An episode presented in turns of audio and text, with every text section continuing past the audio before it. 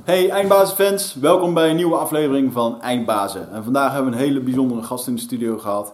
Uh, hij is mijn coach, mijn mentor, Michael Pilarczyk. Uh, zijn naam die jullie al vaker voorbij hebben horen komen in de afgelopen podcast.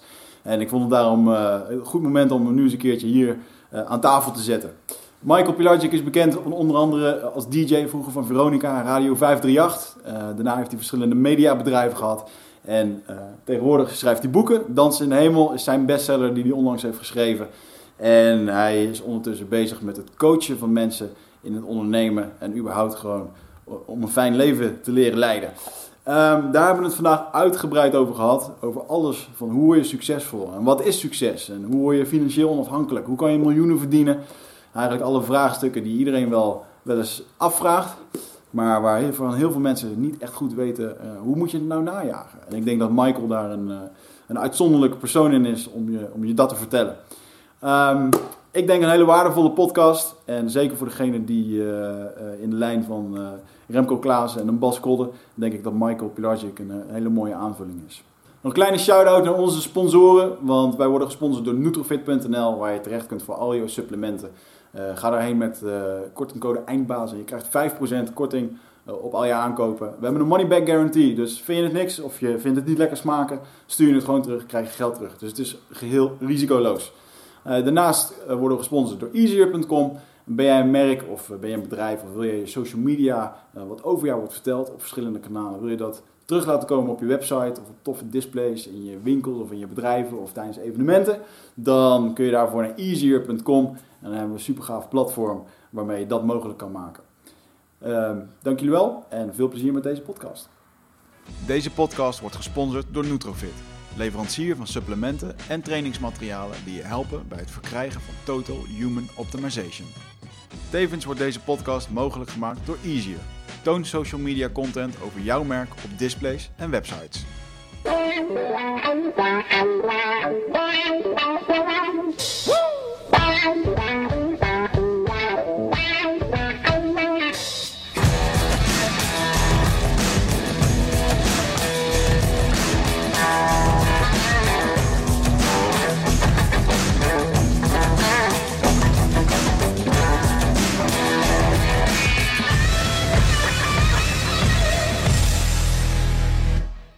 Ik zat er sowieso een beetje over na te denken dat deze podcast uh, wel erg raar is in meerdere vormen. Want? Nou, een jaar geleden toen... Uh, voor de luisteraars die al vaker luisteren, toen, uh, die hebben het natuurlijk al vaker gehoord. Maar een jaar geleden, toen sliep ik op kantoor. Toen had ik helemaal niks. sterker nog, ehm, mijn bedrijf liep slecht. mijn relatie was uit. Ik had geen huis. En um, um, ja, het ging allemaal niet zo heel erg goed. En dat er vandaag dan iemand bij ons in de studio zit die uh, daar een hele grote verandering in heeft gezorgd. Dat vind ik alleen maar hartstikke tof. Vandaag hebben we in de studio Michael Pilarczyk. Um, een ander dingetje waarom het vreemd is dat jij bij ons in de studio bent, is dat jij uh, voorheen uh, ook in zo'n microfoon praatte en dat je gewoon 4 miljoen luisteraars had. Ja. Klopt dat? Ja, dat is heel lang geleden natuurlijk. eens kijken, dat was 1989, 90, 91 bij Veronica. Ja. Tegenwoordig wat 3FM is. Toen was dat Radio 3. Ja, en dan had je echt 4, 4,2, 4,3 miljoen luisteraars. Die op één moment met z'n allen tegelijkertijd naar dat programma luisterden. Dat was in de tijd dat er volgens mij 16 miljoen mensen in Nederland waren. Dus dan had je echt ongeveer het gevoel dat, dat de mensen die naar de radio luisterden, die luisterden ook bijna allemaal. Hoe was dat als je die on-air knop aandrukte? Want dan was het gewoon, dan was je live. Dan moest het ja, zo, zo voelt het niet. Het voelde echt niet anders dan dit. Hm. Je, zit in zo'n hok en we hadden dan uh, vroeger bij, bij Veronica echt een waanzinnig mooie studio. Dat waren echt freaks. Vooral uh, Jeroen van Inkel, die was echt helemaal freak van dat geluid. En het moest er mooi uitzien en dat was helemaal gedesigned. Het, was echt te gek gestaald. Het klonk ook heel mooi. Ja, dat was, dat was hemel voor ons. En uh, in, in dat hok deden we het ding. En dat dat toevallig dan naar heel veel mensen toe ging. Ja, daar stond je niet heel erg bestil. Je merkte dat wel. Bijvoorbeeld als je dan uh, in een eh, centrum van Deventer of in Meppel of waar dan ook, waar we dan op woensdag met, met Radio 2 naartoe gingen. Dat, uh, dat was dan Veronica komt naar je toe. Hmm. Deze zomer was dat. En ik deed dan van 9 tot 12 deed ik het programma Muziek terwijl werkt. En dan liep ik met zo'n koptelefoon op. En dan had ik echt een zender, zo'n hele grote, nou, bijna legerzender. Die had ik op mijn rug hangen. En dan liep ik eh, over zo'n markt heen met mensen. En dan zei ik van, wilt u je drie plaatjes eh, even afkondigen? En dan ontdekte je wel dat daar heel veel mensen naartoe kwamen. Hè, Dat, dat, dat je dacht van, ja, ze kenden mij helemaal niet. Ik was een of ander guppie op dat moment. Maar door met die rare koptelefoon en met die microfoon te lopen... was je een soort buitenaards wezen. En het was heel bijzonder. Dus iedereen die kwam daar naartoe. En dan voelde je wel van, hé, hey, dit, is, dit is meer dan ik alleen met, eh, met die microfoon. Hmm. Waar herkennen mensen jou, jou nog het meest van? Want je bent in, in feite ben je gewoon een bekende Nederlander, want je hebt op de TMF gestaan. Hebt alle programma's wel een keertje meegemaakt, Ja. volgens mij. Nou, ik, ik vind mezelf helemaal niet zo'n bekende Nederlander. Dat, dat was ik in de tijd toen, eh, toen ik bij 538 draaide en bij de Music Factory. TMF, dat was, was echt ongekend in eh, eind jaren 90, 1995 zijn we Ja. daarmee gestart. Ja, dat was het moment dat je niet meer over straat kon. Hmm. Je dacht van, nou, wat gebeurt hier? Maar het mooie was, dat was alleen maar bij kids. Ja. Zeg maar zo'n eh 10 tot 20 jaar, die, eh, die kende je. En als het iets ouder werd, dan, dan had niemand een idee wie je was. Dus de plekken waar ik kwam en waar ik uit eten ging, daar, eh, daar was ik gewoon normaal een, een, een mens. Had je er geen last van? En als je bij de McDonald's naar binnen ging, Ja. ja. dan was het echt gekkenhuis. Mooi. En soms had je zo'n momentje nodig, nou, dan ging je even een Big Mac halen. Lekker ego-strelend, we gaan een Big Mac halen, kom. Ja, mooi. Eh, maar je hebt jezelf goed ontwikkeld. En je, bent een, ehm, ehm, je hebt een behoorlijke carrière doorgemaakt. Je bent eh, bij de radio gaan werken. Vervolgens eh, ben je een tijdje gaan zeilen. Een sabbatical heb je genomen. Eh, vandaag de dag ben je coach, schrijver en eh, ja, mentor van velen, inclusief eh, eh, ondergetekende. Mhm. Ehm, ik ben vorig jaar heb ik bij jou een, een, een, een masterclass gevolgd. Toen zijn we met elkaar in contact gekomen. En ehm, Hoe kwam je daarbij terecht eigenlijk? Dat vind ik altijd wel leuk om te horen. Ehm, ja, nou, dat, ja, dat is een mooi. Die had ik eigenlijk voor wat later proberen erin te fietsen. Oh, dat mag ook. Ik vind het een... Nee, nee, nee, nee, nee, nee, dan gaan we, nu gaan we, gaan. we gaan down train. Oké, nou, een jaar geleden ging het heel erg slecht met mij, zoals ik net al eh, eh, vertelde. Of tenminste, ik vond dat het heel erg slecht met mij ging. We vinden onszelf altijd heel erg zielig in zo'n situatie. En ehm, ik had een aantal boeken geschreven over management. Of sorry, boeken gelezen over management, waarin toch wel steeds vaker terugkwam: je hebt een mentor nodig. Toen ben ik op zoek gegaan naar de beste mentor die er is. En die beste mentor die vond ik in de naam Dan Peña. Hm. En Dan Peña is een meneer in ehm, eh, Schotland, waar je een, eh, een cursus kan volgen van eh, zes dagen. En die kost 10.000 pond. En dan eh, gaat hij jou een jaar lang achter je broek aan zitten. En dat schijnt toch wel een, eh, een alleskunner te zijn in dit, eh, in dit vakgebied. Nou, en ik, wil, ik zoek altijd wel de beste op. Dus ik dacht, wel, nou, dat ga ik doen. Maar goed, ik vertelde hiervoor ook al dat ik niets voor geld had. Dus die 10.000 euro was een probleem. En ehm, toen heb ik wel zo'n boek gedownload. Illegaal, zeg ik erbij. Eh, doet hij trouwens expres volgens mij. Zet hij, heeft hij ook een paar keer gezegd. Hij zegt, ik zet het gewoon online. Want ja, de mensen die het niet kunnen betalen, die komen toch niet. Maar dan mogen ze wel een boek hebben. En ehm, daar heb ik toen... ehm, Dat heb je ook gelezen, ehm, hoe bedoel je? dat boek. Want de Dat- meeste ja, mensen die, die, die boek, nou, als ze ze kopen, lezen ze vaak niet. Hè? Ja. En als je ze downloadt, dan wordt het al wel, wel wat vaker gelezen. Ja. Maar zelfs dan merk ik, dan, dan wordt het gedownload en dan begint iemand wel in zo'n boek. En dan denken ze toch van, ja, het zal allemaal wel. Ja, daar hebben we het ook over gehad met Jos Burgers en Remco Klaas die hier waren. En die zeiden gewoon, zo- zo'n boek, niemand leest het. Maar het staat in de kast. En daardoor komen ze later bij op een, eh, op een dingetje terecht. Op, op een evenement. Maar het boek van Dan Peña is een eh, erg bijzonder en eh, zeker ook goed boek. My First Million Dollars heet Ja. het. En, ehm, Het is my first 100 million. oh ja, ja. Sajan detail. Ja. Ja, ja, Niet zo klein denken, Wigert. Daar gaat het dan fout. Precies. En, eh, maar goed, eh, uiteindelijk dacht ik van ja, ik moet gewoon naar die DNP naartoe. Maar goed, het was te duur en ik had wel zitten kijken hoe dat, dat allemaal ging. En nou, vervolgens, ik had letterlijk, ik had het ehm, in de avond gedownload. De volgende ochtend zat ik, ehm, zat ik het te lezen. Eerste drie hoofdstukken, toen ging ik aan het werk. En toen zag ik in één keer een, ehm, op Facebook iemand die had jouw interview geliked met interview van de intermediair. En eh, toen las ik dat interview waarin Michael Pilagic vertelde dat hij helemaal aan de grond zat. eh, ook in de klote tijd zat. Ehm, die nog waarschijnlijk tien keer zo erg was als waar ik in zat. Ehm, en die eh, vervolgens weer op de rit is gekomen toen hij naar meneer Dan Peña is gegaan. En toen dacht ik van, hey, wat Michael van Dan heeft geleerd, kan ik waarschijnlijk ook wel van Michael leren. En ik weet nog dat ik, eh, zonder dat ik jou verder had opgezocht of wat dan ook, ik heb volgens mij toen, nog- want ik wist wel dat je een mediabureau had. Ik heb gewoon gezocht naar het eerste beste contactpunt wat ik kon vinden. Ehm, en ik heb jou gewoon gemaild van luister, eh, Dan Peña, eh, ik heb het boek gelezen en eh, dit komt nu in het interview voorbij. Nou, als we het over hebben, de wet van attractie, dan was dit hier een goed voorbeeld van. Ja. En daar wil, ik, daar wil ik straks nog even met je over hebben. Ja. Ehm, dus alles kwam in één keer gewoon ja, op zijn plek terecht. En eigenlijk had ik jou drie uur later aan de telefoon. En ook jou moest ik vertellen dat ik eigenlijk niet zoveel geld had. En ik heb hier ook al eens in de studio verteld dat ik jou erg dankbaar was dat, ik, dat je toen zei van nou weet je, dan doe je het gewoon in delen. En dan gaan we het gewoon, gaan het gewoon regelen. Dus ik dacht van yes, dit eh, een nieuw begin. En eh, toen heb ik jouw masterclass gevolgd. En eh, wauw man, dat heeft echt wel mijn ogen geopend.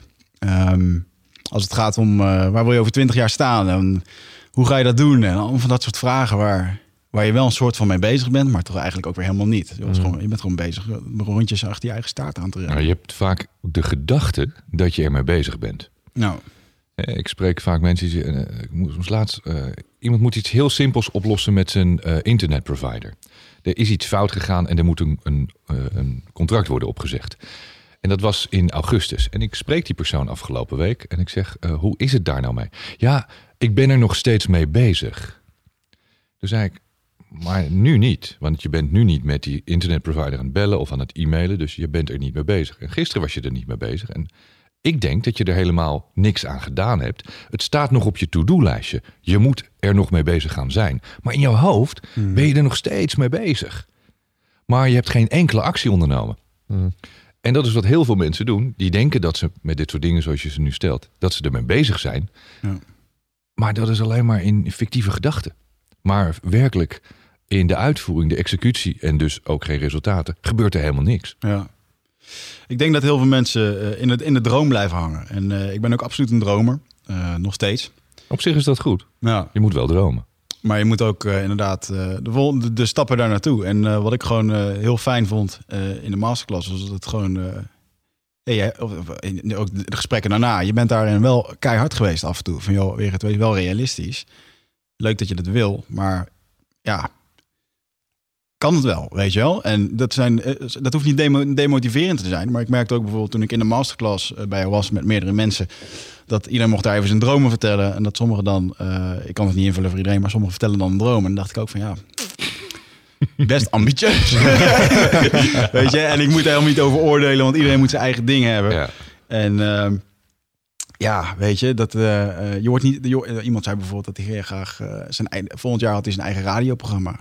Oké, maar als je nu nog niks hebt, dan Ja. moet je of gaan podcasten. Ja, maar ik, En- ik, ik leer ook. Ik, leer, ik leer ook van, van nu. weer. Ik vind, je leert van ieder moment in je leven als je oplet. Ik had laatst ook iemand bij. eh, ik doe nu de, de, master, de, de klas in twee dagen. En er was iemand en die is, ik meen 8 of 39. Die werkt bij een bank. Dat klinkt bij mij al direct van, oh gosh, weet je, wat heb je misdaan in dit leven? maar goed, en ehm, nou, da- daar heeft hij eigenlijk best wel plezier. Maar hij wil DJ worden. Echt serieus DJ. Op het niveau van David Guetta en Armin en Chesto. Echt dat je denkt van wow. Niet op bruiloften en partijen. Ja, ja. Toen had ik ook zoiets van wow, dit is wel een ambitieus dingetje. Moet ik nu heel realistisch gaan zijn? Want ik zeg altijd, alles is mogelijk totdat het tegendeel bewezen is. Kan ik wel gezegd van ja, maar je hebt er nog nooit wat mee gedaan. Je moet nog zo'n DJ-set gaan kopen. Je moet nog een LOE-cursus DJ eh, worden gaan volgen. Ik weet het niet. Ik heb hem toch begeleid. En wel verteld dat hij binnen bepaalde perken realistisch moet zijn. Maar hij is het gaan doen. En tot mijn grote verbazing zie ik hem op het Amsterdam Dance Event draaien. Dus eh, een paar maanden geleden. Nou, te gek. Toen dacht ik van wow. Oh, En nu zie ik van die grote posters voorbij komen. Dat hij echt op Ja. serieuze feesten begint te draaien. Dat ik denk van nou, hij doet het wel. Ja, Dus weet je, kan hè. Ik heb daar bijvoorbeeld uit mijn eh vechtsportverleden. Ik had ook wel grote ambities. Ook de dromen om daar grote dingen mee te doen. En ik heb eh, gelukkig ook wel een trainer om me heen gehad. Die daar eh, ook gewoon realistisch in kon zijn. Van joh, luister, kijk nou naar persoon A. Die tegelijk is begonnen met trainen met jou. Jullie trainen evenveel, doen evenveel wedstrijden. En je ziet gewoon dat sommige mensen accelereren. En ehm, ja, dat moet op een gegeven moment wel een realisatie zijn. Van joh, misschien heb jij niet het genenpakket waarmee je dit spelletje goed kan. Dan kan je beter andere dingen doen, weet je. Want Dat zou je fysieke beperking kunnen zijn. Ja, weet je. Maar achter jou hangt een poster van eh Cassius Clay, Muhammad Ali. Mm. Ehm, achteraf zeiden mensen, ja, maar dit was natuurlijk een geboren winnaar. Hè? Ja. Dit was, als je naar die man kijkt, nou, als je naar die man kijkt, dan heeft hij eigenlijk alles niet wat een echte kampioen zou moeten hebben. Mhm. Hij is niet groot genoeg, hij is niet sterk genoeg. Er, er was voldoende aan te merken op Ali. Ja. Het enige waar hij heel goed in was, was zijn mentale kracht. Ja. Daardoor heeft hij het gewonnen. Ja. Ja, het is lastig. Eh, Achteraf is natuurlijk nooit. eh, Ja, nooit Hindsight is bepalen hoe het was. 2020. Ik had eigenlijk, eh, ik heb sowieso twintig levens nodig om alle kansen aan te pakken die ik in dit leven al krijg. Dus eh, Ja. ja. Maar goed, ehm, ik wil even teruggaan naar ehm, eh, jouw ehm, ehm, luxe, zoals ik het altijd maar noem. Jij hebt de luxe gehad dat je al heel erg vroeg wist wat je vroeger of wat je later wilde gaan doen. En toen jij kleine jongen was, toen zei jij: Ik wil. Ik wil bij de radio. En niet gewoon bij de radio. Ik wilde bij die Radio Veronica. En ik besef mij steeds meer wat een bevoorrechte positie dat was. Hoe, ja, zoals jij zegt, hoe luxe dat was. Omdat de meeste mensen met wie ik nu werk, die bij mijn masterclasses komen, die weten het niet. Sterker nog, die zijn 30, 40, 50 en die zeggen nog steeds: Ik weet het nog steeds niet. Ik zo, wow. Het wordt wel eens tijd zo langzamerhand. De toekomst wordt wel elke dag iets korter, dus ik zou eens op gaan schieten. Ja, wat is dat dan? Weet je, sommige mensen hebben dat. Ehm, als je kijkt naar heel veel hele succesvolle mensen, en dan wil ik niet zeggen dat ik dat ben, maar als je kijkt naar de echte topsporters, de echte grote artiesten, die hadden dat allemaal heel vroeg. Er is geen artiest die dacht op zijn negentiende van laat ik eens gaan zingen. Er- Er was geen eh, sportkampioen die op zijn achttiende dacht laat ik me daar eens in gaan verdiepen. Misschien een enkele uitzondering, hè, dat zou kunnen, maar de meesten zijn er wel heel vroeg mee begonnen. Dus dan is er toch iets, een, een drive, een, een vonkje, iets waarvan iemand denkt van wauw, dit, is, dit raakt mij. En ik luisterde naar de radio. Ik weet het nog goed. Ik luisterde op vrijdagmiddag naar de top 40. Dat werd toen de tijd gepresenteerd door Lex Harding. En ik hoorde dat en toen dacht ik, wauw, dat is gaaf. Dat, je, dat, dat, dat ik dat zou kunnen doen en dat andere mensen dan naar dat kastje zitten te luisteren met zo'n knop nog. En dan luisteren ze naar wat ik ga zeggen. Dat vond ik mooi. En waarom? Geen idee. Ja. Maar toen besloot ik, dat is wat ik wilde doen. En dat was, dat was ook een uitgemaakte keuze. Er was geen andere optie meer. Maar hoe ben je daar gekomen? Ik ben eh, vanaf dat moment ben ik, eh, net zoals we nu hier zitten, ben ik thuis heel erg gaan pielen met een en Je een noemt het pielen? Ja, oké, dankjewel. Ja, dit is- Serious business, Michael. Jullie hebben het heel serieus aangepakt. Maar blijkbaar was er geld en er waren investeerders. Ik weet niet hoe het voor elkaar hebt gekregen, maar het staat er. Het, Nee, weet dus je, het is ons heel profi. Ons spaarvarken is hier aan opgegaan. Aan Ik begon echt- stukjes. Ik weet nog wel, ik pakte eerst de, de, de pick-up van mijn ouders. Die heb ik op mijn, op mijn zolderkamertje gezet. Toen heb ik het, eh het 220 snoer doorgeknipt. En zo'n eh, lichtschakelaartje daartussen ge- gemaakt. En dan kon je die pick-up kon je starten. Starten en stoppen. Nou, dat, dat was het begin. En toen cassettedekje. En dan ging je cassettebandjes, die ging je plakken. En dan ging je ze op maat maken. Dat ging natuurlijk talloze keren fout. En dat werd één berg spaghetti. En, en zo begonnen we met jingles maken. En ik had een vriendje, we deden samen een radiostation. En het mooie daarvan was... ehm, Even, even een klein technisch vraag. Hoe plakte je dat dan op je zolder? Met pret of zo? nee, met een, een plakband, cellotape. En gewoon dat en Dus dan je- deed het het nog in de cassette Ja, dus je, je draait Oh. het cassettebandje open. En dan maak je een, eh, zo'n bandje maak je op maat. Ja, dat is echt een beetje uitvogelen. Ja. Dan knip je wat je niet nodig hebt, knip je eraf. Dan plak je dat opnieuw in dat, dat kerntje, dat rondje. Oh, wauw. Met een klein stukje cellotape. En dan schroef je hem weer dicht. En dan heb je een jingle. Wauw. En dan moet je hem nog wel opnemen natuurlijk. Ja, ja. Maar dat, dan, dan stopt hij als de jingle klaar is. En dan kan je hem omdraaien en dan start hij nog een keer. Hmm. Dat is heel inventief eigenlijk. Ja.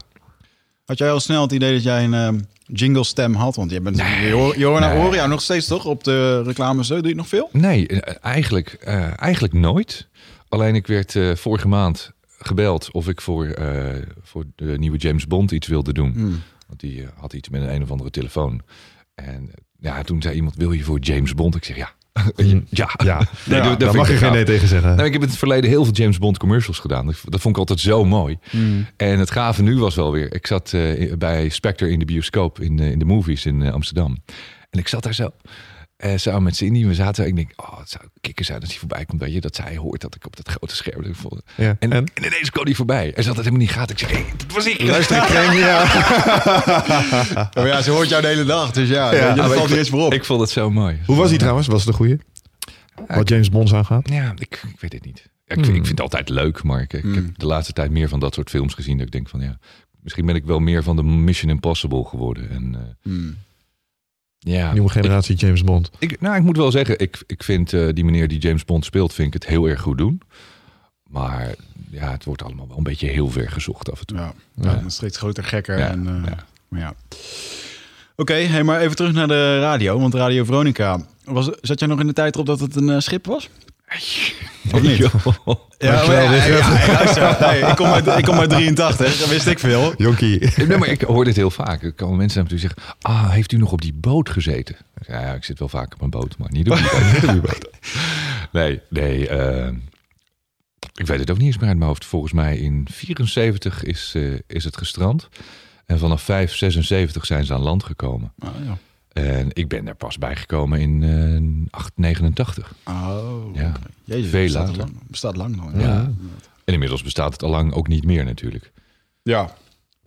Wat vind je eigenlijk van de radio van vandaag de dag? Luister je zelf van naar de radio of niet? Nee, ik luister niet heel veel naar de radio. Ik, eh, ik heb af en toe nog wel eens 538 opstaan. eh af en toe 3FM.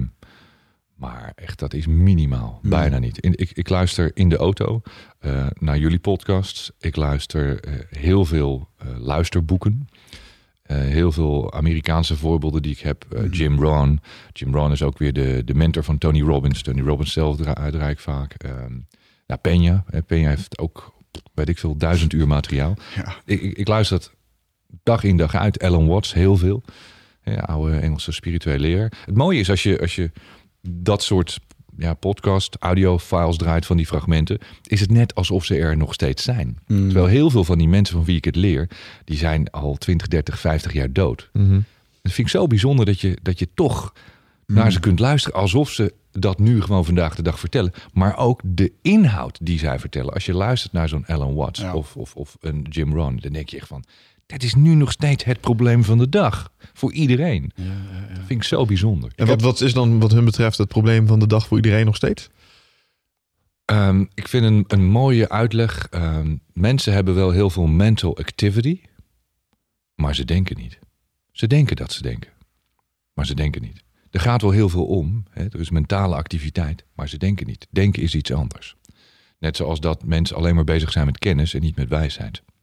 Daarom hebben ze heel veel persoonlijke problemen. Hè? De- Hmm.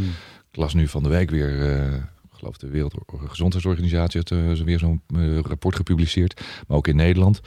1,1 miljoen mensen op dit moment lijden aan burn-outs, depressie, slikken pillen. En dat ik denk van wow, 1 op de 17, 1 op de 16 mensen, die heeft daar dus echt serieus last van. Ja. En hoe komt dat dan? Nou ja, dat is wel terug te herleiden naar ons onderwijs, onze hele educatie, eh, waarin ons dat niet geleerd wordt. Ja. Hoe wij als mens met onszelf moeten omgaan. Ja. Dat is toch wel een eh, serieus probleem. Ah, Ik ben het met je eens dat eh net Alan Watts. Ik heb volgens mij mijn, eh, op mijn iPhone heb ik Out of Your Mind. Volgens mij acht uur lang eh, waarin hij loopt te ratelen. En dan, ja, die gast die praat zo filosofisch en zo relaxed. En iedere keer Prachtige stem natuurlijk ook. ook dat. Heerlijk kan mooi, mooi verhalen vertellen. Ik denk dat het ook zijn kracht is. Ehm, en iedere keer als ik dat weer luister, denk ik van, oh, ik heb het al geluisterd. Maar toch hoor je dan weer andere dingen. Omdat je gewoon, eh, het zet je aan het denken. En het zet Ja. je... Eh, wat ik heel bijzonder vind met een Alan Watts is dat het je onderbewustzijn wat meer triggert. Zeg ik dat goed? Mhm. Dan je dagelijkse gang van zaken. Ja, hoe manifesteert zich dat dan? Ja, gewoon dat je, wat, eh, dat je zijn perspectieven eh, meeneemt in dagelijkse gang van zaken. Dat, eh, Ja, wat is nou een perspectief die hij je probeert bij te brengen? eh, moet ik even te gaaf voor in een goed voorbeeld. Maar hij heeft bijvoorbeeld een... ja, wat een kutvraag, Michel. Sorry. ja, ik probeer het te snappen, want ik ken het materiaal. Nou maar misschien... Maar, nee, maar wat jij doet, Michel, dit is waar het om gaat. Jij stelt vragen en je stelt goede vragen. Mhm. De meeste mensen denken dat ze het allemaal weten. Dat roepen ze ook vaak. Hè. Ze komen vaak bij me en zeggen ze... Ja, ik weet het allemaal wel. Ik heb filmpjes van je gezien en ik heb, eh, ik, ik heb al het een en ander gelezen. Dus eh, ik weet het allemaal wel. Eh, het enige waar ik mee zit is ja, het doen. Hè? Ik zeg, kijk, het verschil is... Jij denkt dat je het weet. Maar omdat je het niet doet, begrijp je het niet. Mhm. Stephen Covey heeft dit ooit eens geroepen in dat boek met die zeven wijsheden. Je denkt vaak dat je het weet, maar als je het niet doet, hè, eh, kennis is leuk, maar het is pas wat waard als het toegepaste kennis is. Ja. En de meeste mensen, eh, wij ook waarschijnlijk, denken dat we van alles weten. Maar feitelijk weten we het niet. Dan stel je één of twee vragen en weer het loopt vast. Mhm. Maar ik weet er nu één. Ik weet een antwoord. Mooi. Hij schiet in één keer binnen.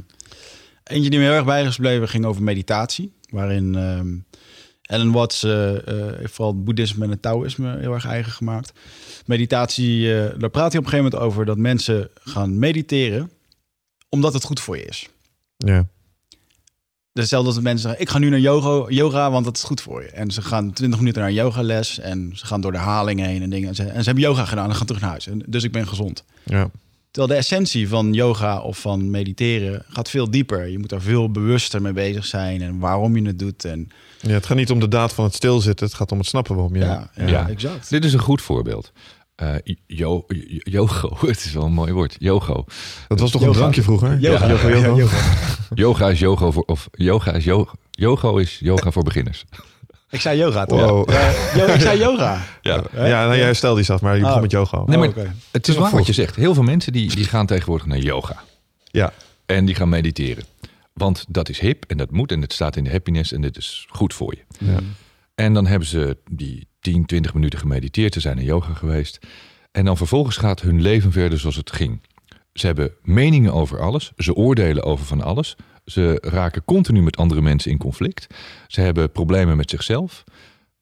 Het sluit niet heel erg op elkaar aan. Nee. Het concept van juist die yoga en die meditatie is dat je leert niet te oordelen, open te staan, goed te luisteren, die rust in jezelf te houden. Die mensen die, die programmeren die 20 minuten verplichte rust, want ik moet nu naar een meditatie of naar yoga en daarna ga ik gewoon weer net zo door. Want ik vind dit en principieel. En dan denk ik van, dan komen ze bij mij en dan zeg ik van, joh, je begrijpt het concept niet. Stop met die yoga. Sterker nog, het gaat nog wel een stap verder, denk ik. Ik denk dat een boel mensen dat ook doen. Een beetje een aanleiding van de po- eh, podcast die we laatst met Paul Smit hadden. Die Ja. zeggen ook, joh, het is allemaal verkapte seksuele selectie. Je kan zeggen dat je yoga doet. En dat is Ja. weer goed, want sommige mensen vinden dat dan verlicht staan. En dat kan je ego en je Ja. status weer een, eh, een boostje geven. Ik denk dat een heleboel mensen die nu plots met dat soort spirituele dingen bezig zijn. Mm. ah, dat is ook wel een aspect erbij. Ik vind het is heel goed om met die spirituele dingen bezig te zijn. Ik denk dat dat ook in deze tijd wel eh, past en dat dat misschien wel noodzakelijk is voor heel veel mensen. Maar je krijgt nu een beetje zo'n. Ik ben veel spiritueler dan jij. Ik doe dit al heel lang. Ja, ja, ja. Ik drink ook groene thee. en Ik loop thuis ook in blauwe jurken. Ehm, Vergeet de kralen niet. ja, maar de mensen gaan ook met mij in discussie. ze, Ja, jij doet wel heel spiritueel, maar je bent het niet echt, hè? Oh, oh, en, eh, hoezo? Wat? Wel, Ik zeg, ja, door deze opmerking te plaatsen, Mhm. ontken je al wat je eigenlijk wil bereiken. Mm. Zeg maar, Je, je oordeelt over mij, je hebt geen idee hoe en wat. Ik zeg, ja, laat het gaan. Ja. Laat het vooral los. Ja. Weet je, als spiritueel het nu weer een soort top 10 moet gaan worden, dan, dan gaat het een beetje voorbij aan wat, waarvoor het bedoeld is. Daar zeg je wat goed van. Je hebt geen idee wie, wie ik ben. Want op een gegeven moment, eh, eh, vorig jaar, toen eh, vertelde jij wat over... eh, je hebt ook gefaald in je leven, in het ondernemen en in het... eh, Ja, mogen we het daar open, eh, mogen we het daarover hebben? Over bepaalde Je mag dingen? alles. Ik heb een enkel keertje gefaald. Een enkel keertje. Nou ja, Maar toen direct ook heel erg Het goed. ondernemen is ook niet... eh, Nee, maar mensen, mensen zeggen dan vaak, van, ja, maar het lijkt wel alsof alles bij jou altijd lukt. Nou, weet je. daar wil het is het ook over niet hebben, leuk. En eh, ja, je hebt gewoon heel veel geluk in je leven. Ik zeg, nee, maar al die mislukkingen, die zien jullie niet. nee. Jullie focussen alleen op die, die paar succesjes. Er zijn natuurlijk veel meer mislukkingen, heel veel. Ik heb alleen maar de dingen bereikt die ik nu bereikt heb... door heel vaak op mijn bek te gaan. Mhm. Door het heel vaak niet goed te doen. Door heel vaak verkeerde investeringen te doen... is het ook wel eens een keer wel gelukt. Mhm. Maar ja, het, het gaat zo vaak niet goed. Ik, ik, wil, ik weet niet of, die, of dat je dit verhaal eh, wil vertellen, dus ik ga even wat hints geven. Maar eh jij vertelde vorig jaar een verhaal waar ik nu iedere keer aan denk als ik me zielig voel. Dan denk ik, het is lang niet zo erg als dat verhaal, dus het is oké. Ja, wees En eerlijk, dat, is best vaak. Ja, ah, eh, ik heb mijn weken. vertel, maar dit vertel is het, het eh, het verhaal waar eh, jouw eh, droom in een skybox in Amsterdam even... Oh, dat verhaal. ja, dit staat in het boek, dus dat mag iedereen weten. Wil je dat, zou je dat eens willen vertellen? Ja. Ik vond het een inspirerend verhaal en eh, iedereen die nu loopt te balen van zijn leven, die moet eh, hier voortaan aan denken. Ja, nou, het, heel in het kort. Ehm, ik deed en doe eigenlijk altijd wat ik leuk vind. Ik wilde graag bij die radio. Nou, heb ik gedaan. Op een, op een dag stond ik op en toen dacht ik van, het is niet meer leuk. Dat kan gebeuren. Hè. Mm. Bedoel, je bent verliefd op iemand, je hebt een relatie. Je wordt wakker op een dag, je kijkt naast je en je denkt... Wat is er gebeurd? Nee, de harpoen. En ik, ik had het met radio. Toen dacht ik van, ik vind het niet meer leuk. Ik wilde ermee stoppen. Ik wil wat anders gaan doen. Toen ben ik gestopt. Heb ik eh, een korte sabbatical gehouden. Want ik dacht, eh, mooie leeftijd, 7, 28 jaar. Weet je, als je dan met pensioen gaat. Dat is, eh, kan ik iedereen adviseren. Vooral doen. Hè? Het is inmiddels wat te laat, maar ja, dankjewel. Nee, maar je, je moet af en toe van die, van die pauzes inbouwen. Om na te denken over, wat ga je doen met de rest Mhm. van je leven? Want anders gaat je leven voorbij zonder dat je daarover hebt nagedacht. En ik ging erover nadenken en eh, toen ging het niet goed. Want toen eh, ben ik eh, wat geld gaan investeren op de beurs. Toen ben ik alles verloren. Op dat moment, zoals jij mij tegenkwam, kwam ik Peña tegen. En ik las een boek van Bodo Schaefer. En dat is een eh, Duitse meneer die eh, noemde zich de European Money Coach. En in een boek geschreven en dat boek heette Hoe bereik ik mijn eerste miljoen? Ik denk, nou, dat is een goed begin, eerste miljoen. Mm. En ik las dat boek en in dat boek, daar stond dat hij een mentor had. En die mentor was iemand die woonde op een kasteel in Schotland. En zo kwam ik achter Peña. En toen ben ik naar, eh, naar Schotland, naar het kasteel gegaan. En daar leerde ik daadwerkelijk in vier dagen... Ja, meer dan ik in, in mijn hele leven daarvoor had geleerd. Hmm. Eh, hoe je een bedrijf kon oprichten, wist ik eigenlijk niet. Weet je, we waren ooit wel met 538 begonnen, maar dat had ik nooit als een bedrijf gezien. Hoe begin je met een bedrijf? Eh, waar haal je financiering vandaan? Eh, en dat was helemaal in de periode natuurlijk met de internethype 99, 2000. Je koopt alles op, je consolideert, beetje back-office eruit. Je moet toegevoegde waarde hebben, je moet iets nieuws toevoegen. Maar ja, daarna is het een doos eromheen, strik erom en naar de beurs. Of je verkoopt het. En niet voor een beetje, nee, een paar honderd miljoen of een miljard eh, of meer. Weet je, dat, dat- dat waren hele normale gesprekken van de dag. Toen dacht ik van, nou, dit spreekt mij wel aan. Ik had een klein probleempje. Ik moest een, eh, een gat van een miljoen of twee opvullen bij de bank. Ik denk, nou, dit is hem. En Peña leerde mij dat. En ehm, mijn idee op dat moment was om een televisie-internetbedrijf te beginnen. Ik was in Silicon Valley geweest. En daar zat ik met jongens, ja, van die studenten, van die Zuckerberg-achtige types. En die, die hadden dan allemaal laptops staan. En die hadden een kabel ertussen. En dan zeiden ze van, ja, dat heet ADSL. Dat wisten wij allemaal nog niet in Nederland. Geen idee. En de ene had een film en die streamde die via die kabel naar de andere laptop. En ze konden films kijken. Soort videoland thuis. Nou, dat vond ik te gek concept. Toen dacht ik van, wauw. Stel je nou eens voor dat je dus altijd op het moment dat jij het wilt televisie kunt kijken en ook nog kan kiezen wat je wilt zien. Ik zeg, nou, goud concept. Dat gaan we doen. En dat koppelen aan de markt. In eh, Nederland had je Endemol, die deden toen de tijd 1 miljard omzet. Dat was eh, serieus geld. Maar daarna was er heel lang niks. En dan had je IDTV, die deden 100 miljoen. En Ivonie. Al dat soort bedrijven, die waren ook groot. Maar dat was 1 op Mm. 10, hè. En toen dacht ik van, nou, dit had ik nooit kunnen bedenken voordat ik eh, met eh, meneer Peña in aanraking was gekomen. Ik denk, hé, hey, dan kopen we IDTV, we kopen Ivonie en we kopen Tenfold en eh, Pieter Storms en heel veel van dat soort bedrijven. Als we dat allemaal bij elkaar kopen, hebben we een omzet van pak een beet 300 miljoen. Nou, dat was serieus. Dan waren we een goede tweede. Maar ja, dan had je 1 miljard en de mol. Wij, Future Active heette dat bedrijf, zouden zo'n 300 miljoen doen. Ja, dat kan je wel verkopen of naar de beurs brengen. En toen ehm, ben ik dat begonnen met een heel goed idee. En ik ben naar de bank gegaan, een andere bank natuurlijk. Met een heel overtuigend verhaal zonder businessplan. Dit verhaaltje gewoon van, joh, ik wil deze business in consolideren. Dit gaan we doen. Daar zit heel veel potentieel in. Die man van de bank die geloofde dat. Ik was 29, ik kreeg een half miljoen. ING, Amersfoort. Man eeuwig dankbaar, anders was het nooit gelukt. Daardoor had ik lucht. Hè, want ik had geen geld. Ik, ik kon niet eens meer pinnen. Er was gewoon geen geld meer. En daardoor kon ik gewoon weer door met mijn leven. En toen vond ik twee investeerders. En die, eh, die betaalden heel veel geld. Bijna 10 miljoen. En ehm, als je het wil weten, het staat in het boek. Maar een beetje geromantiseerd natuurlijk. En toen, eh, toen zijn we dat bedrijf begonnen. We kochten het een en ander. We lijnden al die overnames op. Alles was getekend. En het was echt bijzonder. Ik word na een paar maanden na onze start al gebeld hoe het kon gaan. Door iemand van KPN. En die zei eh, heel in het kort, hij zegt, nou, we willen jullie bedrijf wil kopen voor 30 miljoen. Nou, jongens, moet jij je voorstellen, Wiggert, dat er iemand komt die zegt, dat easier. Hé, hey, Wiggert, 30 miljoen. En dat Michel zegt, waardeloos bod. Ja, dat moet 60 zijn. Ja, waardeloos. Dus ik zat daar en eh, ja, ik, echt, ik ging door het dak, weet je. En ik roep tegen die partner, ik zeg, eh, joh, hij, Nick, 30 miljoen, waardeloos bod. Ik denk, die gozer, die, die spoort niet. Maar hij had gelijk, een paar maanden later kregen we een andere aanbieding. 70 miljoen gulden voor een derde van de aandelen van het Nesbic ICT Fund in de Savannah Tower in eh, Utrecht. Ik rijd daar vaak voorbij en ik kijk altijd even naar links. En denk, hier was het. Daar zaten we op de bovenste verdieping. 70 miljoen. En die hele boord, dat was te gek, joh. Ik, ik vind dat ik dat stukje wel grappig beschreven heb in het boek.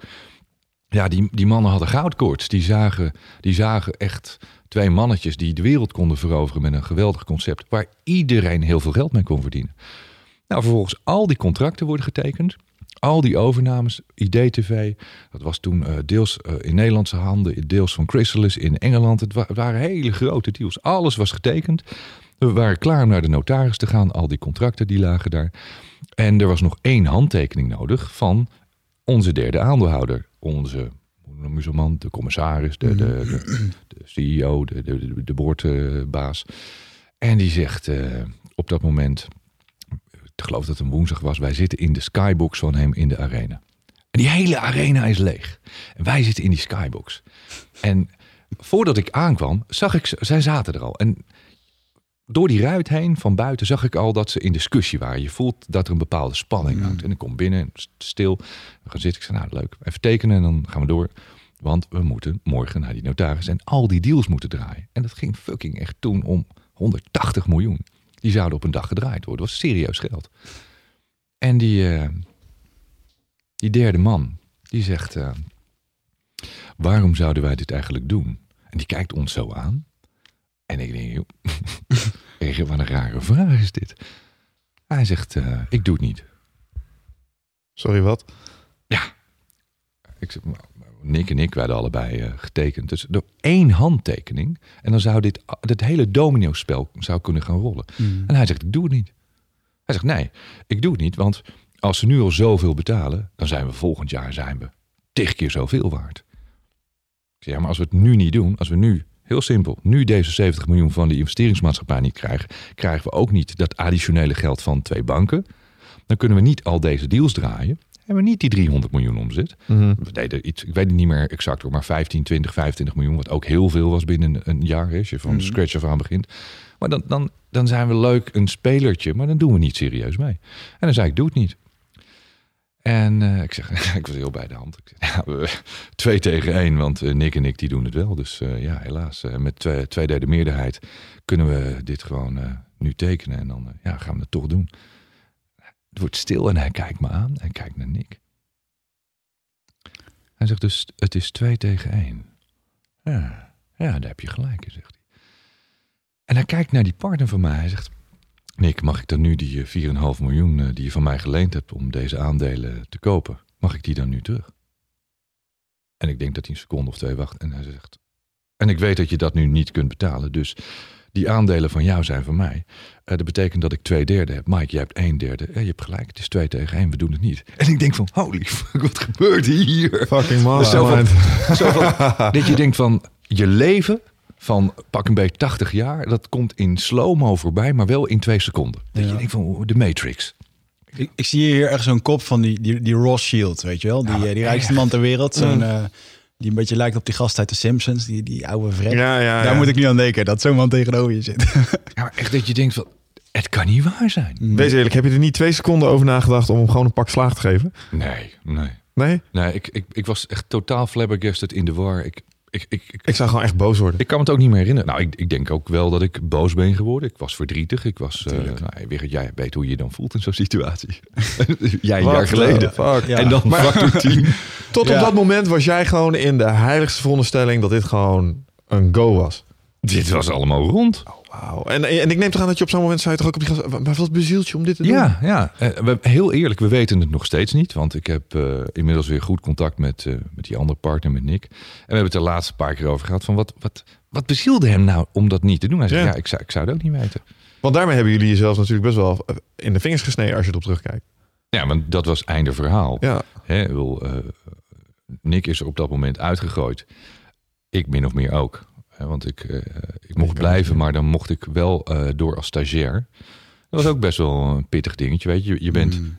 ik was gewoon algemeen directeur van het bedrijf, voor wat het inhield. Ik Ik kon natuurlijk geen bedrijf van 150 man leiden, dat wist ik ook wel. Maar in naam was ik het wel en ik stuurde het redelijk aan.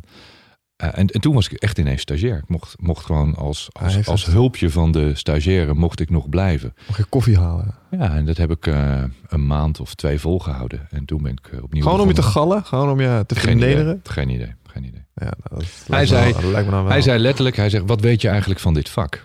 Ik zei, nou, dit vak doe ik al, eh, pak een beet, een jaar of twaalf. En hij zegt, nou, volgens mij moet je dit vak gewoon eens van begin af aan gaan leren.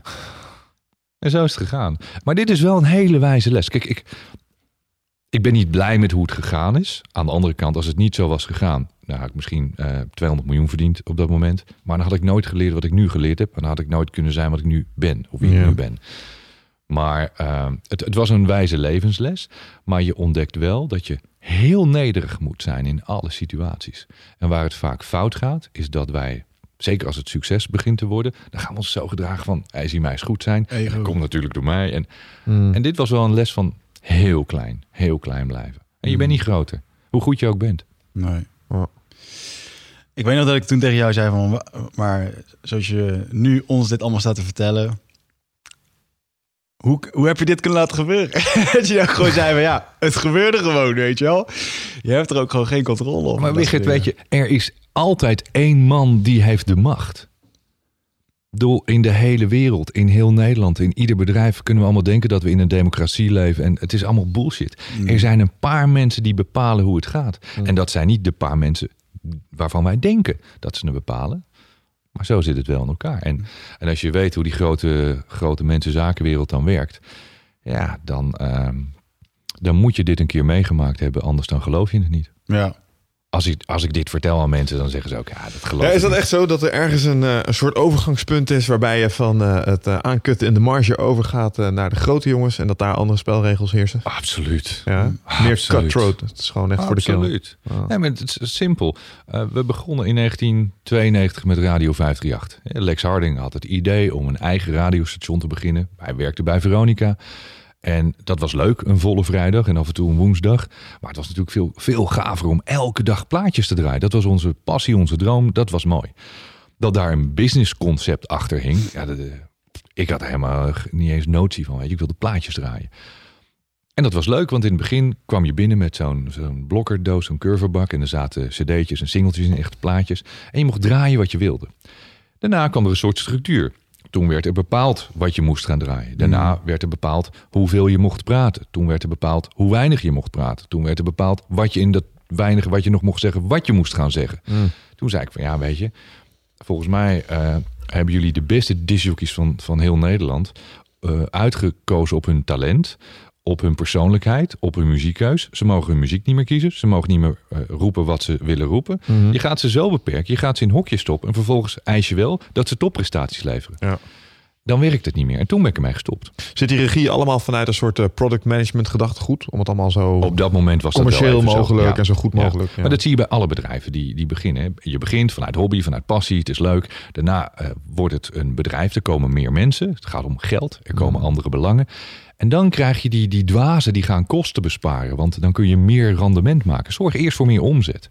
Al die mensen die gaan kosten besparen, het is zo'n onzin. Je moet, je moet zorgen dat je meer omzet hebt. Op een gegeven moment kun je namelijk niet meer kosten besparen. En Ja. kosten besparen is niet leuk. Nee. Moet je kosten wel een beetje in de hand houden natuurlijk.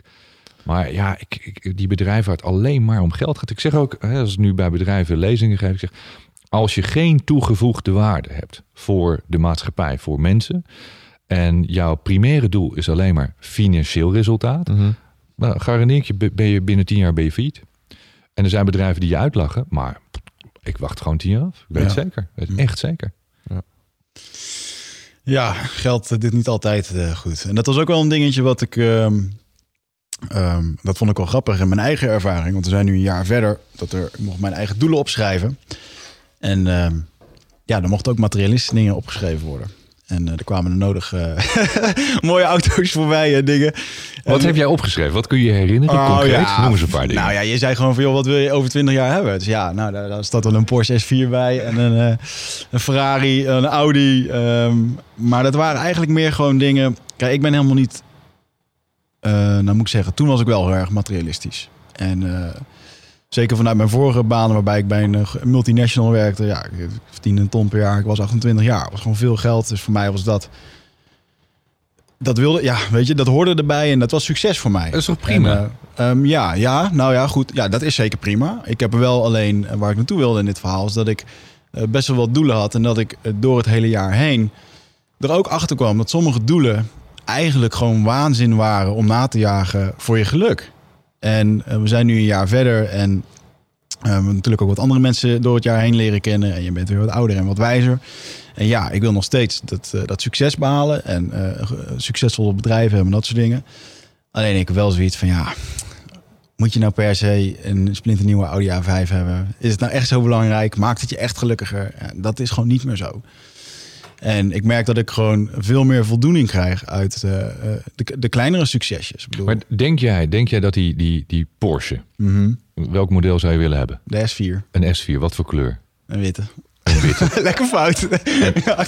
En, en wat voor Oh hebben? ja, geen idee. Dat, nou, nou ja, zover ben ik er nog niet. Heb, heb eh, jij dat, heb jij dat plaatje niet boven je bed hangen? Ja, die Audi A5 foto? wel. Die Audi En- A5 en- wel. En, en op je desktop. Nee, ik heb een boekje. Ik heb een eh, vision, een, eh, een soort. Je hebt je vision board gemaakt. nou, ik heb een boekje waar ik eigenlijk allemaal dingen in plak en doe. En die Audi A5. Dus je weet diepzeeblauw. welke auto straks bij jou op die oprit staat. Nou, En hoe ziet het huis eruit waar die oprit aan gelinkt is, weet je?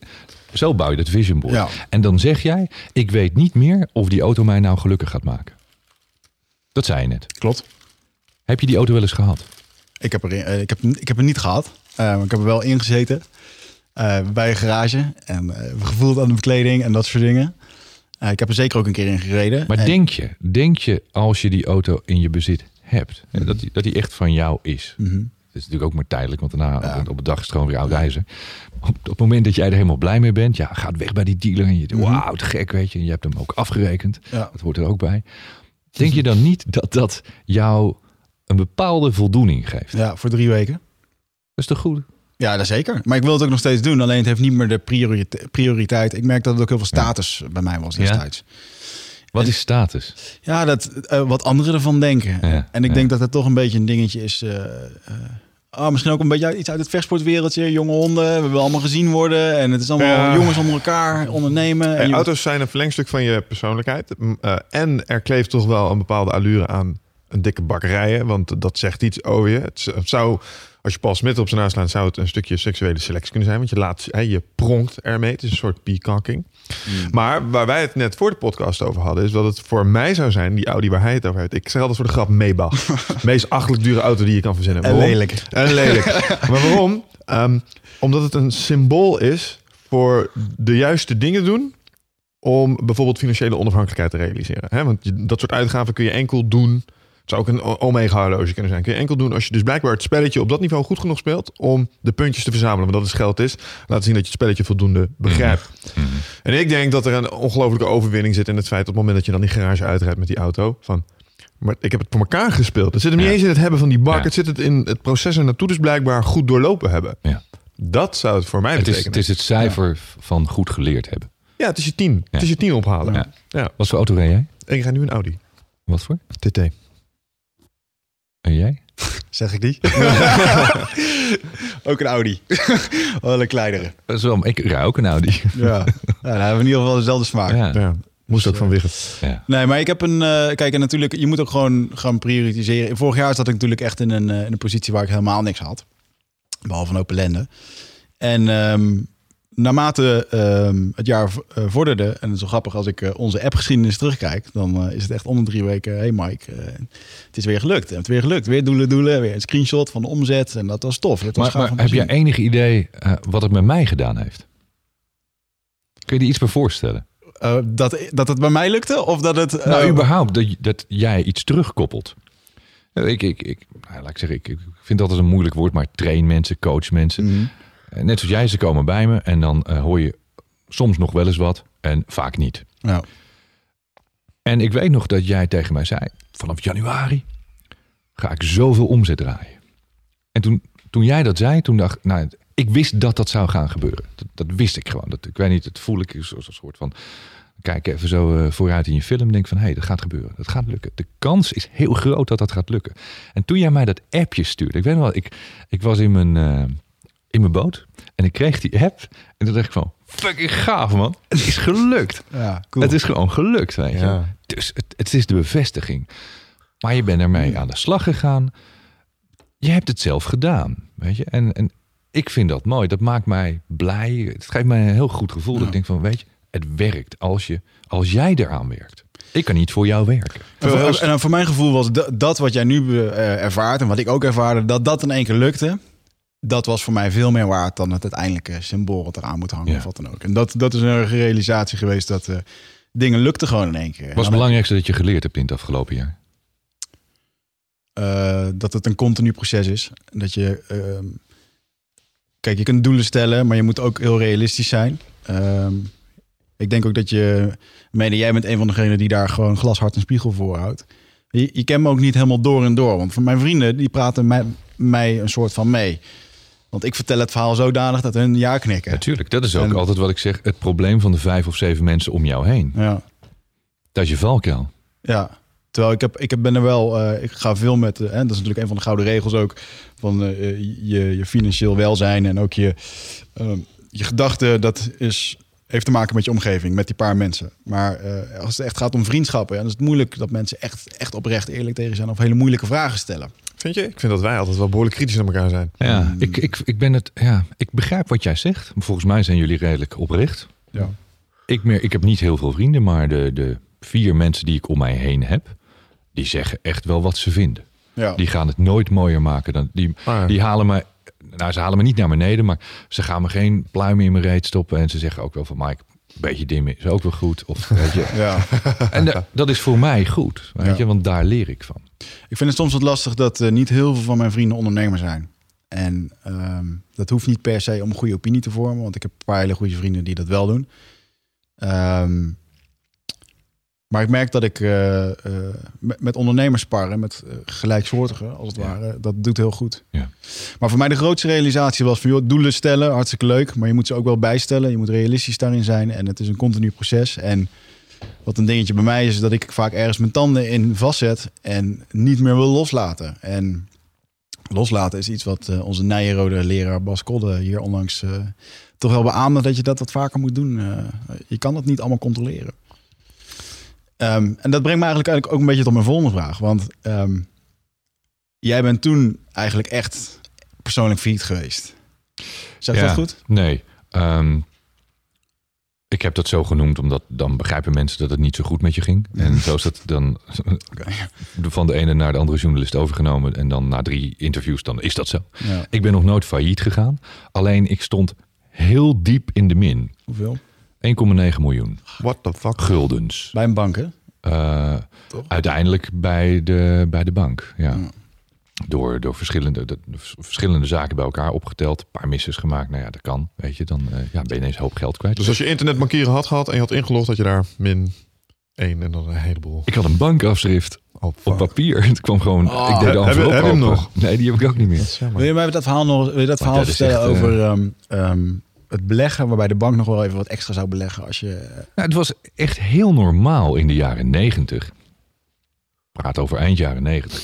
Dat als jij een bepaald bedrag investeerde in aandelen. Laten we een rekenvoorbeeld doen. Je investeert 1000 euro in aandelen. Mm. Dan was er een bepaalde marge waar een bank op mocht lenen.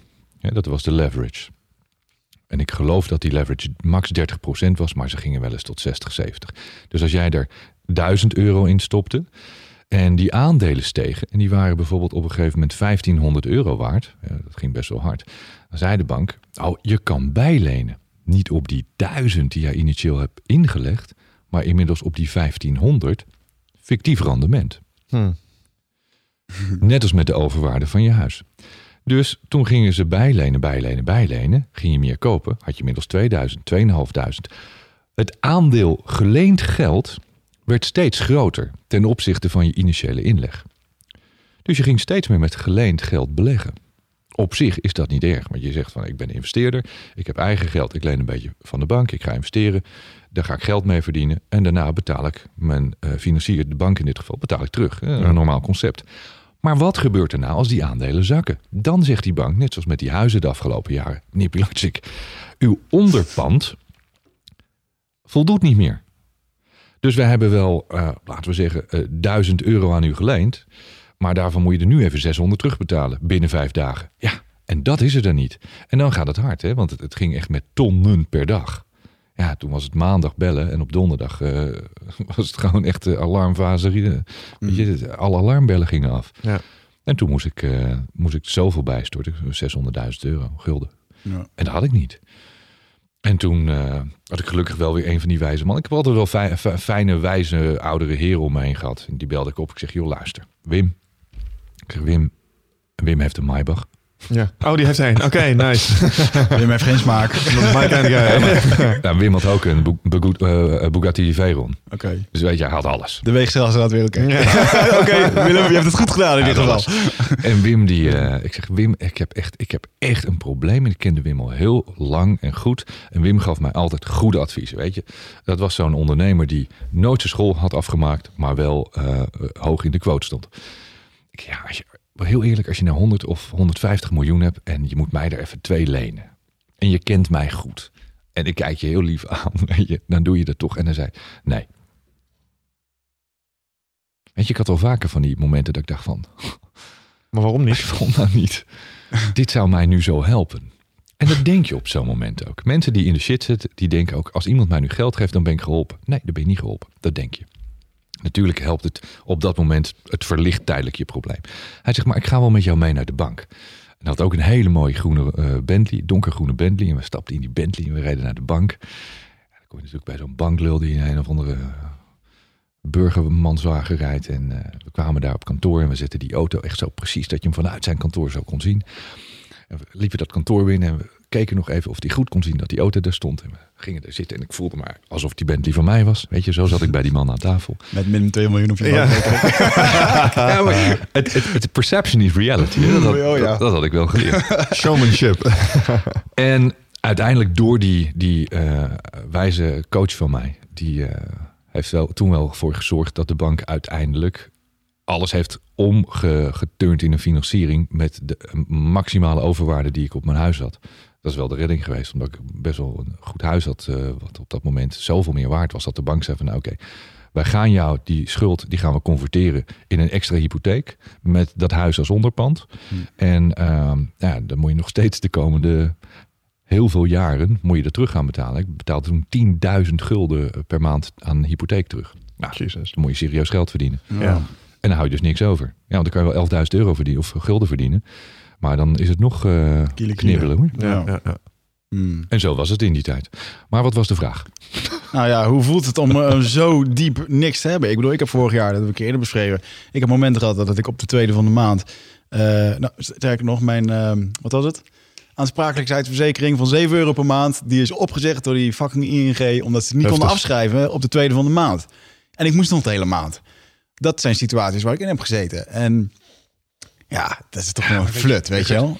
Ik weet nog goed dat ehm, wij gingen boodschappen doen bij zo'n supermarkt waar alles heel goedkoop is. Weet je, eh, niet bij de, de Albert Heijn of de C1000, maar echt zo'n, De Aldi. nou niet eens, Oh. niet eens. Waar, waar het gewoon in de dozen staat, waar ze geen schappen hebben. Dat je echt denkt, nou ja, ik weet niet of je wel eens eh, op vakantie bent geweest in Zuid-Europa of in. Afrika. Dat je Ja, denkt van, ja, ja. Hey eindbaas en luisteraar, dankjewel dat je zit te luisteren naar deze podcast. Ik onderbreek hem eventjes voor een hele belangrijke boodschap. Of misschien liever gezegd een uitnodiging. Want op 24, 25 en 26 mei, dan is er weer een nieuwe editie van Ride of Passage. Dat is mijn retreat voor persoonlijke ontwikkeling. En speciaal voor de mensen die op zoek zijn naar, ja, naar, naar helderheid. Of dat ze lastig bij hun gevoel kunnen komen. Dat ze moeilijke beslissingen moeten maken. En dat ze zo ontzettend in hun hoofd zitten ja, dat ze er eigenlijk gewoon niet meer goed uitkomen. Of dat ze misschien al heel lang in een, ja, een soort van oud gevoel zitten. Dat ze dat gevoel willen transformeren. Of misschien wil je gewoon een oud stuk achter je laten. Ergens een punt achter zetten. En ja, zoek je misschien heling op iets wat, wat je te lang hebt weggeduwd of, of hebt vermeden. Daarvoor wil ik je uitnodigen op 24, 25 en 26 mei om in een retreat mee te doen waar de inhoud van het programma geheim is. Waar de belofte is dat het oncomfortabel wordt. Want jij begrijpt als geen ander dat als je die volgende stap wilt maken, ja, dan zul je uit de comfortzone moeten komen. En ik garandeer je, laat mij dat proces begeleiden met jou voor drie dagen. En je leven zal daarna nooit meer hetzelfde zijn. Gemiddeld beoordelen de deelnemers het met een 9,2. En daar ben ik ontzettend trots op. Er is ook een money back guarantee. Heb je de drie dagen vol, volbracht en vind je het niks, krijg je gewoon je geld terug. Dus het enige risico wat er is, is dat je gelukkiger kan worden. Ik zie je Bride of Passage. Ga naar wichertmeerman.nl en klik op Retreat. En ik liep daar rond en ik voelde me zo gênant. Ik vond het zo erg dat ik dacht van fuck man, weet je. Ik, ik, reed, ik reed toch onlangs nog in een hele dikke auto en ik kon alles doen. En ik keek nooit naar prijzen. En nu sta ik echt te kijken van wat kost dit en wat kost dat. En, en op dat moment in die supermarkt dacht ik van dit nooit meer. Ik moet dit omdraaien. Hmm. En dat was wel het moment dat ik dacht van nou, dit, dit moet echt heel erg anders. Hmm. Maar als dit niet was gebeurd, had ik nooit kunnen doen wat ik nu doe. Want mensen die tegen mij zeggen, ja, jij weet niet hoe het is om geen geld te hebben. Ik zeg, nou, dan heb ik nog wel een klein verhaaltje voor. Ja, ja. Ja, ja. Weet je, en je moet dat gevoeld hebben. Ja, en ik heb dat, joh, hoe vaak heb ik nu niet bij jou aan de telefoon gehad? Jij doet de financiën voor Nutrifit, hoe vaak ik bij hem aan de telefoon heb gehangen of er alsjeblieft niet eens een keer wat uit kon halen. Maar we waren al twee jaar aan het investeren. En dan is het toch gewoon tanden op elkaar en... eh, Je eet maar ah, cornflakes. ik ben er nu, nee, maar, maar ik ben er nu achteraf, ben ik er, joh, het is zo'n waardevolle ervaring geweest. En ik kan het nu ook gewoon omarmen als iets, eh, ja, weet je, het, het is, het is fysiek heel goed geweest, maar eh, ja, ik snap nu wel, het heeft wel, ja, ik heb mijn lesje geleerd, laat ik het zo zeggen. Een goede les. Louterend. Ja. Ik durf ook te zeggen, ik heb mijn lesje wel geleerd. Ja. Ja. En zo, als Bas Kodde zei van, eh, er zijn altijd bepaalde periodes, zomer, winter. En ja, ik heb mijn winter nu echt al gehad. Tijd voor Dus de het kan alleen maar eh, Ja. tijd voor een beetje lente. inderdaad. Ja, maar, maar het, eh, Jim Rohn is een van mijn grote voorbeelden ook. Die zegt, je moet leren omgaan met de seizoenen. En de seizoenen zijn altijd hetzelfde. Mhm. Hè, De ene zomer is het wat heter, de andere winter is het wat kouder. Maar na de lente volgt altijd. De zomer. En na de zomer volgt altijd. Weer de herfst. ja. En dat is al sinds het bestaan van deze planeet is dat zo. En dat verandert nooit. Mhm. Je zult leren, moeten leren omgaan met hoe koud of hoe warm het is. Maar dat patroon dat herhaalt zich altijd, altijd over en over en over again. Ja. Want hoe sta jij met eh, omgaan met, eh, met dat soort veranderingen? Want eh, je stelt doelen, je hebt dromen, je hebt wensen. En dan kom je gewoon in de rollercoaster die het leven heet. Hm. En ehm, ja, dan gaan de dingen in één keer niet zoals je wil. En ga je daar nu anders mee om als dat je dat vroeger deed? Ja, ik ben daar nu veel relaxter in. Omdat ik eh, vroeger moest het gaan zoals ik wilde. En zeker ook zo snel als ik wilde. En weet je, als het niet zo ging, dan ging ik mijn tafel schooien. En nu denk ik van, nou ja. één, ik controleer het allemaal beter. Als het niet gaat zoals ik wil dat het gaat, dan zal ik dus mijn, de, de manier, de approach, hoe ik het wil, moet ik aanpassen. Eh, want dan is blijkbaar de, de manier die ik heb gekozen niet de juiste manier. Dan moet ik gewoon zorgen dat ik het op een andere manier ga aanvliegen. Nou, dan kom ik vast op de plek van bestemming uit. En ehm, Gewoon voortschrijdend inzicht verwerken eigenlijk. ja, ik maak me daar echt nooit meer druk om. Ik weet ook dat het altijd goed komt.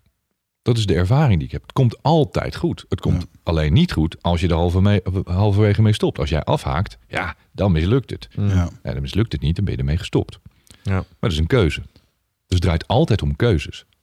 Is dat niet het meest... ehm, me- ja, ik, ik zie het heel vaak bij mij in mijn omgeving van mensen die... eh, want nu komen ook mensen naar mij toe. Sterker nog, de mailen mensen naar onze podcast. Van, joh, weer het goed hoe je het allemaal doet. En eh, eh, hoe moet ik dit doen? Ze vragen advies. En uiteindelijk blijft het daar dan bij. Mensen doen het niet. Of mensen Nee. de, de volgende stap of En ze maar- haken snel af. Hoe vaak hebben we niet mensen Ja. gehad, ja, we willen een podcast starten. Hoe doe je dat dan? En dan geef je ze goed bedoeld advies. En dan, hey, laat weten wanneer je podcast live is. Weet je wel, leuk. Ja, Hoort nooit meer wat terug. Nee. Nee. Nooit. Dus mensen willen het niet echt. Hè? Hetzelfde als met boeken schrijven. Vorig jaar heb ik het boek eh, uitgegeven. En toen kreeg ik echt stapels brieven van allemaal mensen. Net zoals jullie die mensen krijgen van hoe, hoe doe ik een podcast? Hoe schrijf ik een boek? Ja, nou, Door te beginnen. en dat en dat Oh, ze heel, heel flauw als ik zeg, nou, je pakt een bloknoot en een pen en je begint te schrijven. Ja. Ja. Dat zei Jan Dijkgraaf hier. Die leert je hoe je in tien dagen een boek eruit moet trappen. Hij zegt, het is gewoon achter een eh, keyboard gaan zitten en gewoon rachen. Schrijven. Ja, gewoon doen. Schrijven. Eerst dat gaan doen. Nee, mensen willen weten hoe uiteindelijk die consument dat boek koopt. En als ze dat weten en ze weten, en ze gaan helemaal terug. En ik vind op zich, het is goed als je begint bij het eindpunt. Hè, dat is een beetje de manier die ik hanteer. Zo van, oké, het boek moet uiteindelijk bij jou terechtkomen, want jij bent de lezer. Wat be- maakt jou ertoe besluiten dat je dat boek gaat kopen? Naar welke boekhandel ga je ertoe? Hoe komt het in die boekhandel terecht? Oké, dan moet het boek worden, dus dan moet ik een uitgever hebben. Eh, dat hele traject, dat hoef je niet te weten als je gaat beginnen met schrijven. Ga eerst eens schrijven. Mhm. Je moet wel iets hebben om te verpatsen Weet natuurlijk bij je uitgever. En dus niemand begint. En als mensen zeggen, ja, het is niet gelukt. Zeg, nee, je bent niet begonnen. Hmm. Maar wat is het dan wat mensen er do- doet? ehm, ehm, nou, waarom doen ze het niet? Ze willen wat, het wat niet mensen Nee, ze willen het niet. Ze willen het echt niet. Hoe glashard ze ook tegen jou zeggen, nee, dit is echt wat ik wil. Mhm. Als je het echt wilt, dan doe je het. Ze willen het niet. Ze denken dat ze het willen. Iedereen wil een miljoen op de bankrekening hebben staan. Ja? Als ik die vraag stel in groepen, ah, iedereen, hè, zeg, wie, wie zou het leuk vinden vanavond? Kom je thuis, ik stort bij, bij jullie allemaal een miljoen op je rekening. Vind je dat leuk? Ja, iedereen. Zeg oké. Nu ga ik je het volgende vertellen. Zo werkt het niet in de praktijk. Maar ik kan je wel helpen. Ik ga je drie jaar lang begeleiden. Ik ga je precies vertellen hoe je het moet doen, wat je moet doen, wanneer je het moet doen. Drie jaar lang moet jij, pak een beet, 60 tot 80 uur per week gaan werken. Je moet heel veel opofferen. Vrije tijd, vrienden, leuke dingen. En de kans is heel groot dat je over drie jaar één, maar misschien ook wel twee of drie miljoen op je bankrekening hebt. Als jij dat wilt, is die kans groot. Mhm. Hoeveel mensen steken dan nog een hand op? Doe ze gooi. Ja, niet zo heel veel meer.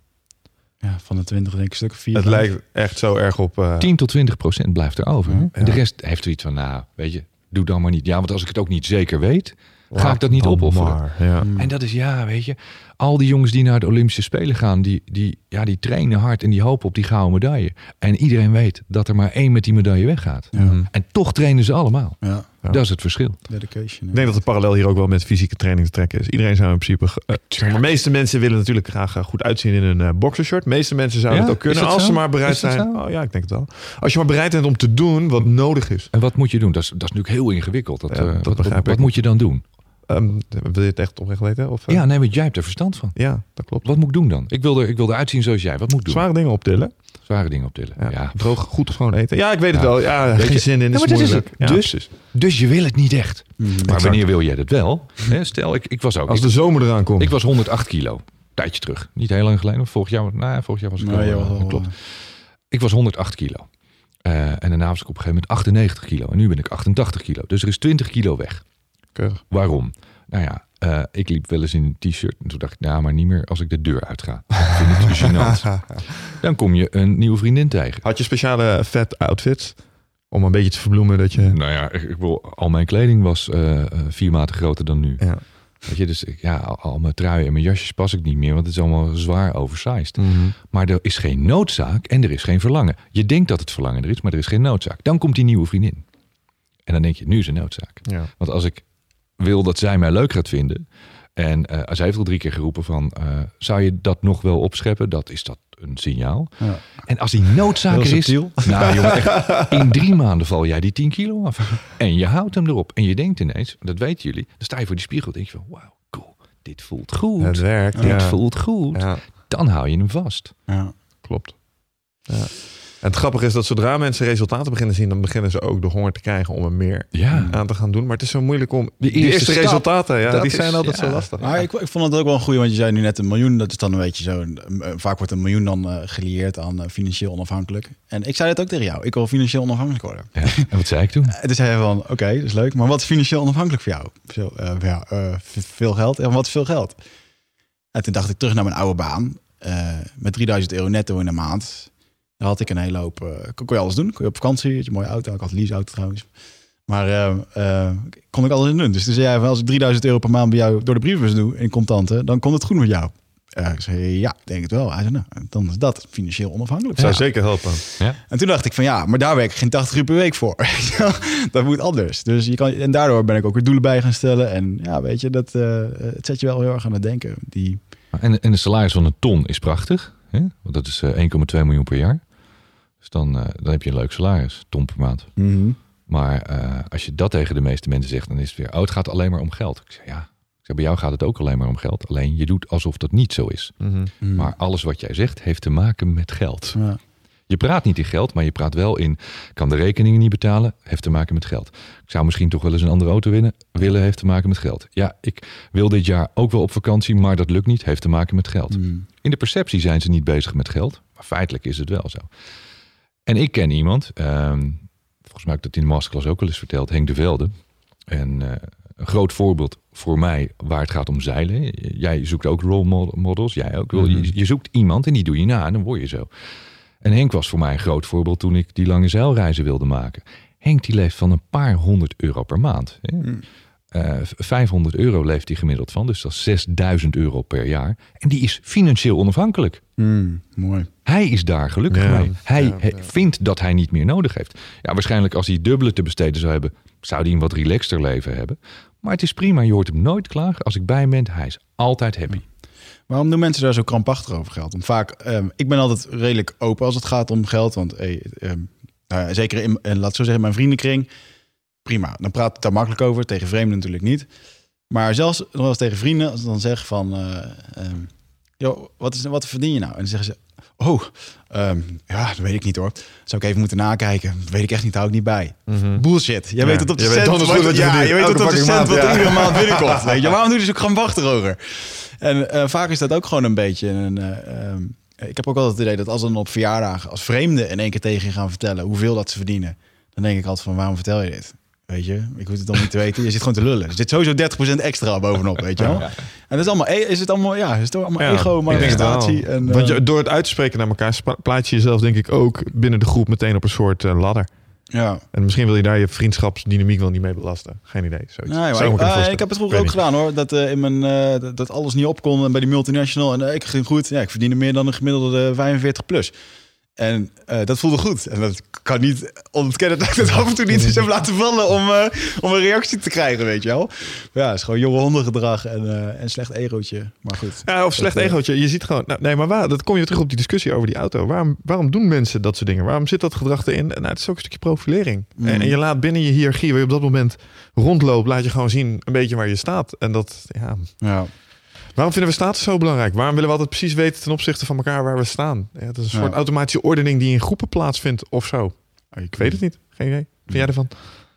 Ja, ik, ik denk dat het eh, niet heel verstandig is om je te vergelijken met andere mensen. Nee. Ik vind het wel heel verstandig om naar een role model te kijken, een voorbeeld. Hè, Maar dat is geen vergelijking. Maar dan denk je van, oké, waarom die man, waarom staat hij daar eh, waar ik wil zijn? Wat heeft hij daarvoor gedaan? Dat lijkt me leuk. Maar het vergelijken door te zeggen van, ja, ik doe het beter, want mijn auto is groter. Of eh, ik verdien meer, of ik woon in een groter huis. Ja, we- maakt het mij anders? Maakt het jou anders? Het geeft je vaak alleen maar een slecht gevoel. Ja. Hè, heel veel frustratie komt daar vandaan, boosheid, teleurstelling. En wat, wat, waar, waar brengt dit je toe? Dat heeft toch helemaal geen zin? Mm. Ik vind het echt eh, het zonde van, van je denktijd. Je, je hebt een bepaalde denktijd per dag, een bepaalde hersenactiviteit die je aan kunt. Eh, Die belast dat op een leuke manier. Gaat het niet met dit soort onzin eh, verspillen. Dat is echt zonde. Ja, denken over eh 10 euro of 10 miljoen kost hetzelfde aantal calorieën wat dat betreft. Ja. Dus ehm, Het is ook niet veel moeilijker om, om het te verdienen. Het is alleen een iets andere benadering van de formule. ja. Mensen denken vaak ook dat je heel veel anders moet doen. Je moet bijna alles anders doen om tot dat andere, veel grotere resultaat te komen. Ik weet niet of jullie golven. Ik niet. Nee, maar je wel. weet hoe het werkt. Je hebt zo'n soort stick en een klein balletje. Ja. Ik kan het niet. Maar ik word dan wel eens uitgenodigd. En dan zeg ik van nou, dan moet ik even een paar doosjes extra ballen kopen.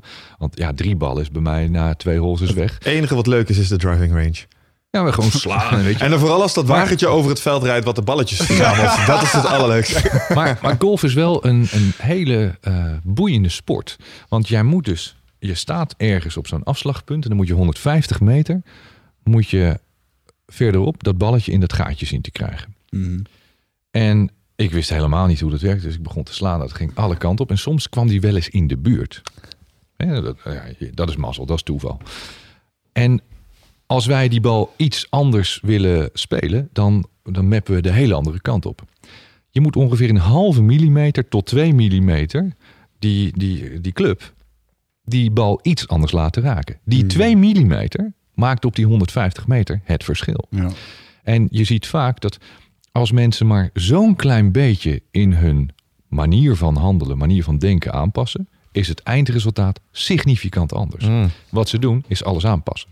Ik zeg, kijk, als jij gaat koken en het smaakt niet, wat doe je dan? Klein beetje zout erbij, klein beetje peper, klein beetje suiker. Je flikkert er toch niet een kilo zout bij? Dat is wat mensen doen. Ja, dan is het niet meer te vreten. Ja.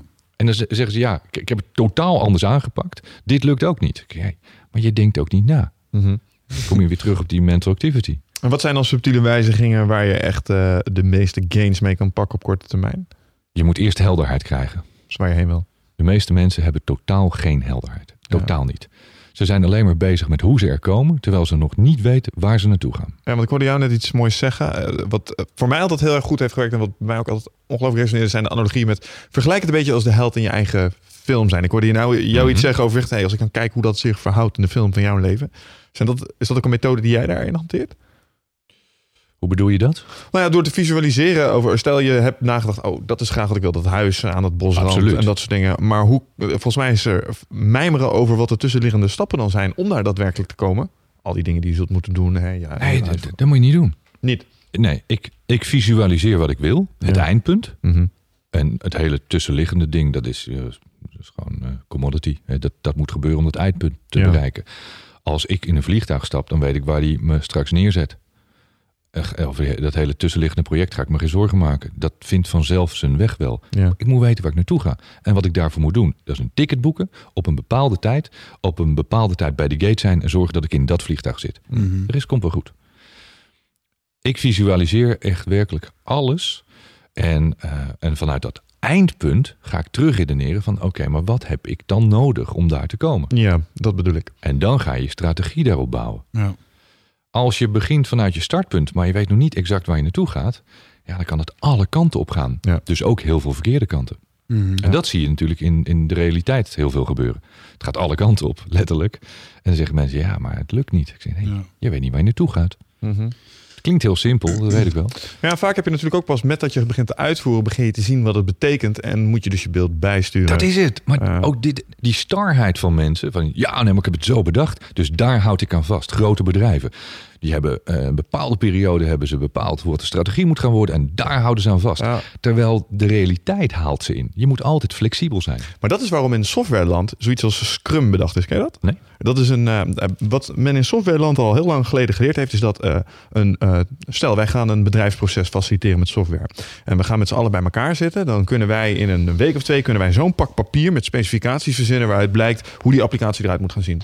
Dan ga je hem bouwen en dan lever je hem op. Dat doe je een half jaar over. En je levert hem op aan die mensen en die zien hem en die zeggen: maar dit is niet wat wij bedoeld hebben. Want er zit iets in ehm, werken met dingen en dan pas in de gaten krijgen hoe, wat het doet en wat het zou moeten doen. Dus voortschrijdend inzicht. Ja. In softwareland lo- lossen we dat heel simpel op. We gaan in gewoon kortere sprintjes werken. Ja. Dus we zetten wel een eindstip op de Ja, ik snap horizon. wat je bedoelt. Ken het, Maar we gaan wel mijlpalen ertussen definiëren. En we gaan elke keer, als we een mijlpaal hebben, gaan we kijken of we nog steeds vinden dat dit de richting is. En dat doen we door het gewoon even te laten zien. Een van de dingen van Scrum is, als een onderdeel van agile development, dus lenig ontwikkelen, is release early, release often. Waarom? Omdat Ja. pas als mensen het aanraken. Absoluut. Gaat het proces spelen? Ja. Ja, absoluut. En ik denk dat dat ook geldt voor persoonlijke ontwikkeling of ondernemen. Dat een boel mensen de valkuil maken door die stip op de horizon te zetten en daar eens een malle Ja. voor te gaan, zonder tussentijds even de kop Ja. op te steken. Nou, je, Michel, je roept iets heel belangrijks. Ik merk dat eh, veel mensen, zeker als het nieuwe materie voor ze is, Mhm. en ik ga spreken, tal van die eh, mensen die hierover spreken, jullie hebben er al een paar gehad, die gaan ineens doelen stellen, hebben ze nog nooit gedaan in hun leven. Daarom zijn ze ook waar ze op dat moment zijn. Mhm. Mensen zonder doelen eindigen nergens. Dus je moet doelen stellen. Maar dan komt er zoiets als: er moet dus één groot levensdoel zijn. En daar moet ik alles voor opzij zetten. Maar dat is het niet. Je hebt een hele lange termijn doel, je levensdoel, weet Ja. ik veel wat je wil bereiken. Maar je hebt ook middellange termijn en korte termijn. Korte termijn vandaag, deze week, deze maand. Je hebt een doel voor de komende twaalf maanden, de komende vijf jaar. En dat hoeft niet helemaal gedefinieerd te zijn, maar dan heb je wel die meetpuntjes van: hey, ben ik wel op het goede pad bezig? Ja. Ja. Ja, want je je, kan voortgang doet- alleen meten op het moment dat je weet waar je heen Ja. wil. Stel, jij wil graag, eh, je wil graag afvallen. Nou ja, dan is het goed om te weten wat je nu weegt en wat je zou willen wegen. En dan kun je de tussenliggende momenten Ja. kun je kijken of je voortgang geboekt hebt, ja of nee. Ja, het is de, de, de manier waarop ik mijn boek ook geschreven heb. Eh, normaal gesproken, zoals ik dat heb eh, vernomen van schrijvers die gaan schrijven, die zijn één of twee jaar bezig, dan is het klaar. Dan gaat het naar een redacteur, die gaat alles wegstrepen wat niet goed is, Ja. doorhalen, suggesties geven. Dan wordt het herschreven en dan wordt het uitgebracht. Ik heb vanaf dag één die redacteur erbij betrokken. En elke drie, vier maanden, alles wat ik had, ging naar hem toe. Streepte hij weg wat er, niet, wat er niet goed was. En gedurende het proces kon ik bijsturen. Karakter erbij, karakter weg, andere verhaallijn. Eigenlijk was je al aan het scrummen daar. Ja, Ja. en dat werkt perfect. Werkt echt heel erg goed. Hmm. Ja, dat is, er zit iets in mensen waardoor we wel graag... We kunnen wel nadenken over de lange termijn. Maar we zijn heel slecht in de tussenliggende stappen volledig uitplannen. Waardoor we, ja, daarvoor zijn we dan weer wat te korte termijn. Op het moment dat je dat gewoon goed weet te vereenzelvigen met elkaar. En je, je werkt daar iteratief aan en een beetje geprotocoleerd. Ja. dan wordt het ongelooflijk handig om dat voortschrijdend in zich gewoon goed te verwerken. En dan wordt die dissonantie aan het eind, zeg maar die discrepantie in wat men verwachtte en wat je daadwerkelijk hebt opgeleverd, die is dan veel minder groot. Ja. Want daar zit vaak een heleboel pijn van. Ja, maar dit is helemaal niet wat we wilden. Hoe heb Ja. je dit ervan kunnen maken? Ja, maar dat is wat je zei. Maar, maar dit is ook, ook weer die helderheid. Toen wij het eh, televisiebedrijf hadden, wij maakten ook veel corporate films en dat werd steeds meer voor, voor web. En dan kwam er een klant en die zei: Ja, jullie maken zulke mooie dingen. Ik wil gewoon, ik wil gewoon eh, iets. Ja, het moet er heel flashy uitzien. En die gaan ze met dat soort woorden strooien. Ja. Flashy. Ja, het moet een beetje snel zijn. eh, catchy. En nou, je, je begrijpt precies wat ik bedoel. Ik zei: Nou, ik echt geen No. idee. Ja, ik heb wel een idee. Ik ga het interpreteren op mijn manier. Dit klinkt trouwens als een marketingbriefing van. Ja, maar het is heel gevaarlijk. Nee, maar het moet er ongeveer uitzien zoals die, die film die jullie voor dat bedrijf hebben gemaakt. Ja. Oké, nou, dan ga je dat doen. En vervolgens zeggen ze, wat jij zegt. Nee, maar dit is toch totaal niet wat we bedoelden. Het moest, het moest zo zijn en flashy. Ja. En ik zeg maar, dat is het toch niet? Nee, de hele andere interpretatie. Dus je moet die helderheid hebben. Ja. Echte volstrekte helderheid. Mensen weten pas wat ze willen als ze het zien. Ja. Ja, Mm. Hey, ik wilde nog eventjes ehm, teruggaan naar... eh, volgens mij, na jouw ehm, dieptepunten ben jij eh, heel lang gaan zeilen.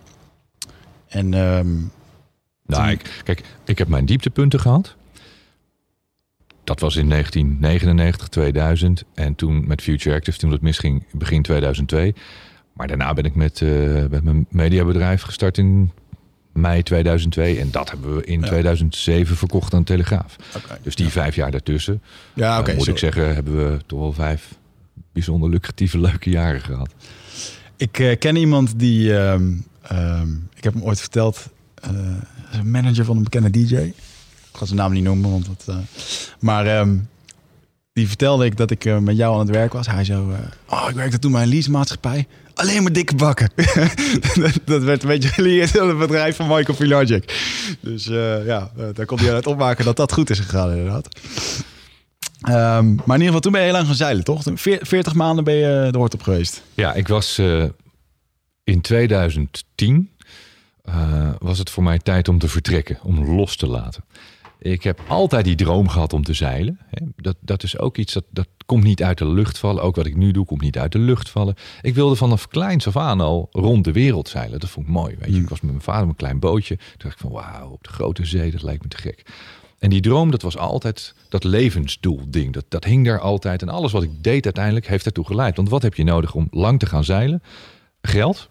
Want het moet betaald worden. Niet heel veel geld. Veel mensen denken dat het belachelijk veel kost, maar dat is niet waar. En je hebt vooral tijd nodig. Ja. Ja, want als jij een baan hebt, kun je niet zeilen. Dus je moet vrijheid hebben. En, en in die vrijheid komt er geen geld binnen. Dus je moet zelfvoorzienend zijn. En daarbij moet ik wel zeggen, na eh, een jaartje of 22 serieus hard werken. Mag ik ook een kopje thee? Ehm, ik geloofde nooit in burn-outs. Ik, ik, ik was wel eh, wat radicaler dan nu en wat minder rustig. Burn-out vond ik bullshit. Eh, midlife crisis, ik vond het allemaal bullshit. Weet je, hou op met het gelul. Ik vind het zwakzinnig gelul echt kansloos. Wel, Pak jezelf bij elkaar en ga gewoon door. Maar ik merkte, nou eigenlijk ik merkte het niet zelf, maar mensen om mij heen die heel dicht bij me stonden zeiden, Mike, het gaat echt niet goed met jou. Je bent gewoon volledig ontspoord. Nou, het maakt me helemaal niet uit. Ik wil gewoon nog maar één ding, nooit meer mensen zien. Ik wil gewoon weg uit Nederland. Ik wil nooit meer terug naar Nederland. Ik ben er helemaal klaar mee en ik ga nooit meer werken. Rust. Ik kwam op een punt dat ik zei, en jullie zijn krankzinnig. Dat jullie nog werken, het is krankzinnig. Daar moet iedereen mee stoppen. Toen zeiden ze echt van, ja lekker. Honing in de thee alsjeblieft. Honing is altijd goed voor je. Honing is eh, het, eh, Dus ik, het eh, goud ik van was eigenlijk op dat moment redelijk van het pad af. En hoe kwam dat? Ik had het bedrijf verkocht. Eh, er was een paar miljoen voor betaald. Iets meer dan 5 miljoen volgens mij. Ik weet niet eens meer, maar zoiets. Ik had voldoende geld om te gaan doen wat ik wilde gaan doen. En daarna was, was er een soort leegte ineens. Dat ik dacht van ja, weet je, je moet ineens gaan rapporteren aan een, aan een directeur die, die belachelijke dingen van je vraagt. Die, die niks meer met realistisch te maken hebben. En toen had ik zoiets, ik wil gaan zeilen. En ik bleek toch in een soort van burn-out-achtige situatie te zitten. Ik zei, nou, dat komt mooi uit. ga ik weg. Ga ik lekker zeilen. Ik ga eens nadenken wat ik met de rest van mijn leven ga doen. En ik wilde dat boek schrijven. En daar had ik een hele duidelijke bedoeling mee. Dus dan kon ik dat mooi combineren. En toen ben ik in, eh, in 2010 ben ik vertrokken. En ik heb een kleine drie jaar wel eh, rondgezeild. Niet elke dag. Ik ben ook heel veel blijven liggen. Ik heb een half jaar in Barcelona gewoond. Toen ben ik weer een stuk gaan zeilen. Ben ik naar Italië geweest. Uiteindelijk hele Middellandse Zee eh, gezeild. Mooie plekken gezien. Boek geschreven. Ik vloog ook af en toe terug. Het was niet dat ik non-stop alleen maar op die boot zat. En, eh, en uiteindelijk is dat eh, bijna vijf jaar geworden. En nog steeds. Want ik woon Mm. de helft van de tijd woon ik aan boord in, eh, in Barcelona. Ja. Indonesië ben je ook geweest, toch? Ja, ik ben in Bali geweest. Dat ja. was ook een belangrijk punt voor jou, toch? Bali was wel een, ja, het was een kort moment, maar een heel belangrijk moment. Ik heb daar eh, Anna Ma ontmoet. Het is een spirituele healer. En ja, ook een spokenstante, maar wel iemand die contact heeft met engelen. Dan hangen, haken heel veel mensen af. Heb je, de- helemaal, heb je ehm, helemaal niks mee. de- dat de- kan hier gewoon niet besproken worden, dat Geloof me, dingen. geloof me, de eindbazen luisteraars weten hiervan. Ik vind het ook mooi. Ja. Dus eh, Ja, en nou, het, het, het, meest, het meest bizarre verhaal ever eigenlijk. mm, Dan Peña. De man die alleen maar voor geld gaat. Gewoon keihard voor, voor de bucks. Mhm. Weet je, honderden miljoenen. Die stuurt een eh, zeer goede vriendin van mij een berichtje. Out of, out of the blue.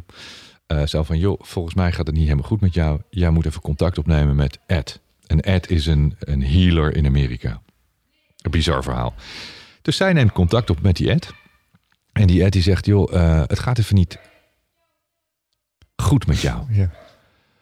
Er gebeuren dingen om jou heen die zijn niet goed. Jij hebt iemand nodig die, die de zwarte energie om jou heen weghaalt. En daarom gaat het heel slecht met jouw gezondheid. Die mevrouw lag op dat moment eh, wederom op, eh, op het moment dat het niet meer eh, zo lekker ging. Dat, dat was levensbedreigend, laat ik het zo zeggen. Mm. Hij zegt, maar ik kan je niet echt helpen. Er zijn maar een paar mensen in de wereld die zo krachtig zijn, die dit voor jou kunnen oplossen. En één daarvan is Anna. En Anna die doet dat voor mensen wereldwijd. En ze reist rond en is nu op Bali. Dus die dame belt me op. Die zegt, wil je met mij naar Bali? Want wij moeten naar die Anna toe. Ik zeg, oké, ik boek nu een ticket. En we zijn naar Bali gegaan. En dat staat achter in het boek. Dat is wel het verhaaltje zoals het gegaan is. Ik ben daar gekomen. Ik heb met haar gesproken. Dat was een hele bijzondere ontmoeting. Mijn eerste vraag was... Haar eerste vraag was... Wat kan ik voor je doen? Ik zeg, nou weet je, ik heb best wel veel bereikt in mijn leven. Maar ik zit inmiddels in het stadium. Ik zou wel eens even echt met een engel willen praten. En ze kijkt me aan. Ze is zo lief. Ze zegt, en, eh, zou je er één herkennen als er één was? Ik denk, kut. Kut. Weet je? En die vraag had ik dus al eerder aan mijn eigen levenscoach gevraagd, gesteld. En die zei ook van, Mike, en zou je er dan één herkennen als die er was? Toen dacht ik van, als twee mensen dat zeggen, moet dat een betekenis hebben. Hmm. Ik ben een week met haar opgetrokken, wat zij blijkbaar nooit doet. We zijn naar die tempels geweest in Bali.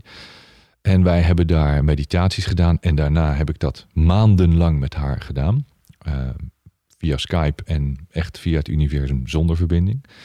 Dan maken we contact met elkaar. En dan is het niet normaal wat daar gebeurt. Dan reis je echt, nou laat ik zeggen, een paar miljoen jaar de tijd in naar andere dimensies. En wat je dan meemaakt. En dat is zonder pillen, ayahuasca, zonder gewoon puur. Ik, moet, ik neem jou nog een Erg. keer mee, Mike. Erg. Jij gaat nog een keer mee. Hij is op de hoogte, begrijp ik.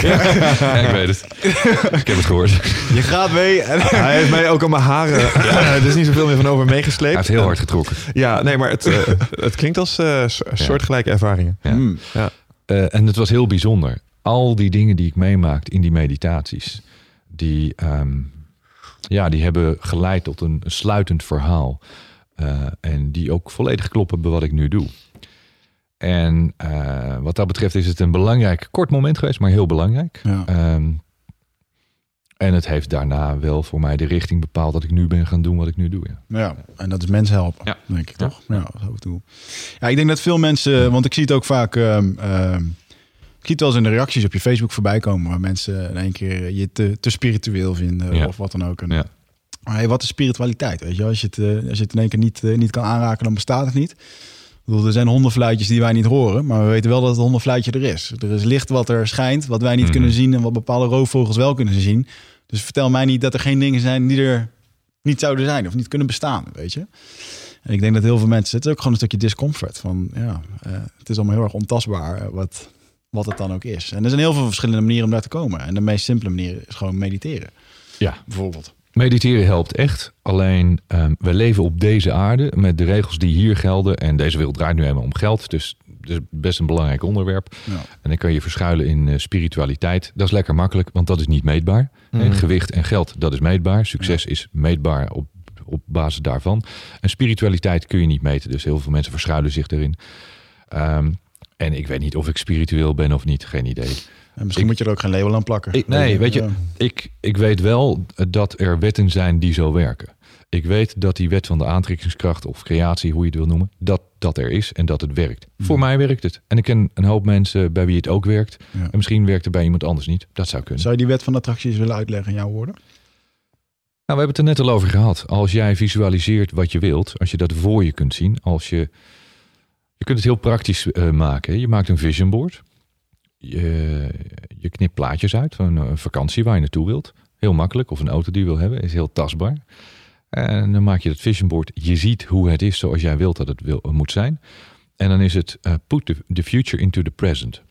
Dus je neemt het moment uit de toekomst zoals jij wilt dat het eruit gaat zien. Jouw leven. Je design your own life. Je schuift het terug naar nu. En vervolgens moet je daar invulling aan geven. Het is niet zo dat als je dan op je luie kont gaat zitten, dat het dan vanzelf komt. Het is niet die boer die niet gaat zaaien en aan het einde van het jaar denkt van eh, waarom komt er niks uit de grond? Nee, je moet wel eerst zaaien. En daarna moet je het aandacht geven. Je moet het elke dag water geven. Het moet licht hebben. Het moet liefde hebben. Maar doordat jij zo gefocust bent op dat einddoel, ga je dingen aantrekken. Ineens zie je de mensen die je nodig hebt, die er anders ook zijn, alleen je merkt ze niet op. Ja. Als wij nu zeggen, denk, denk nou eens aan die witte Porsche en jij stapt straks en morgen en deze week in de auto, moet jij eens kijken hoeveel witte Porsches jij voorbij ziet gaan komen. Ja, ja, ja. Ja. En ik weet het nu, en ik durf het heel voorzichtig af en toe te zeggen, omdat ik met vrij veel mensen gewerkt heb het afgelopen jaar, die zeggen, joh Mike, het werkt echt. Ineens. En, en, en soms vinden wij het ook wel, nou ja, opmerkelijk dat mensen na eh, een dag of een week bij die masterclass zeggen, naar die man was ik op zoek en die komt ineens op mijn pad. Het ging niet zo goed met mijn bedrijf en ineens, ik krijg deze week vijf offertes, gaan allemaal door grote klanten. Dat ik denk van ja, weet je, ja, ik sta niet te toveren of zo, weet je. ik ben niet een of andere goochelaar. Hmm. Maar ik zie bij te veel mensen een, een resultaat, echt resultaat. Hè, Ja. ik, ik, en op ieder niveau, er was een, een mevrouw met, eh, met problemen met haar dochter, die had echt veel problemen. Politie stond elke week thuis, weet je, dat was echt slaande ruzie tot, tot gevaarlijk aan toe. En wij zeiden ook van, nou, het zou beter zijn als jullie niet meer bij elkaar in één huis zouden wonen. En dat was allemaal onmogelijk en moeilijk. Drie dagen daarna, of drie, ja, drie vier dagen daarna, krijg ik een briefje van haar en ze zegt, nou, dit geloof je niet. Er is een eh, adres voor haar eh, gevonden. Volgende week wordt ze uit huis geplaatst. Hmm. Voor allebei de beste oplossing. Dat je denkt van wauw, het heeft dus niks met geld of succes te maken. Ook op dat vlak zie je dat er dan dingen gaan gebeuren. Ja. En waarom? Ik weet het niet. Jij hebt het meegemaakt omdat mensen ermee aan de slag gaan. Ja. Op zoek gaan naar dat resultaat. Ik, ja, ik, heb nog, ik heb het lijstje nog een keertje eh, na zitten kijken. Want eh, natuurlijk een beetje een evaluatie van het jaar. En eh, ik had vorig jaar tien doelen opgeschreven. Waarvan er zeven zijn uitgekomen. Ehm, van het, het, het ontmoeten van een, een role model, Aubrey Marcus. Die voor mij echt... ja, die gast die heeft het gewoon goed gedaan. Amerikaanse ondernemer. Ehm, een paar maanden later, twee maanden na de masterclass, ontmoet ik hem. En stond dus gewoon een goede vriend geworden. En eh, weet je, dat was gewoon ja, een persoon. Eh, omzet bij eh, een, een Easier, omzet bij Nutrofit.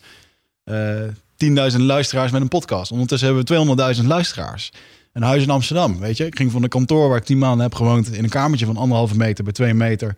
waarbij ik letterlijk de tape op de alarmsensoren plakte... omdat anders s'nachts het alarm afging... woon ik nu aan een huis in de gracht in Amsterdam. Ik heb mijn kat terug, weet je. En het zijn allemaal van die dingen die...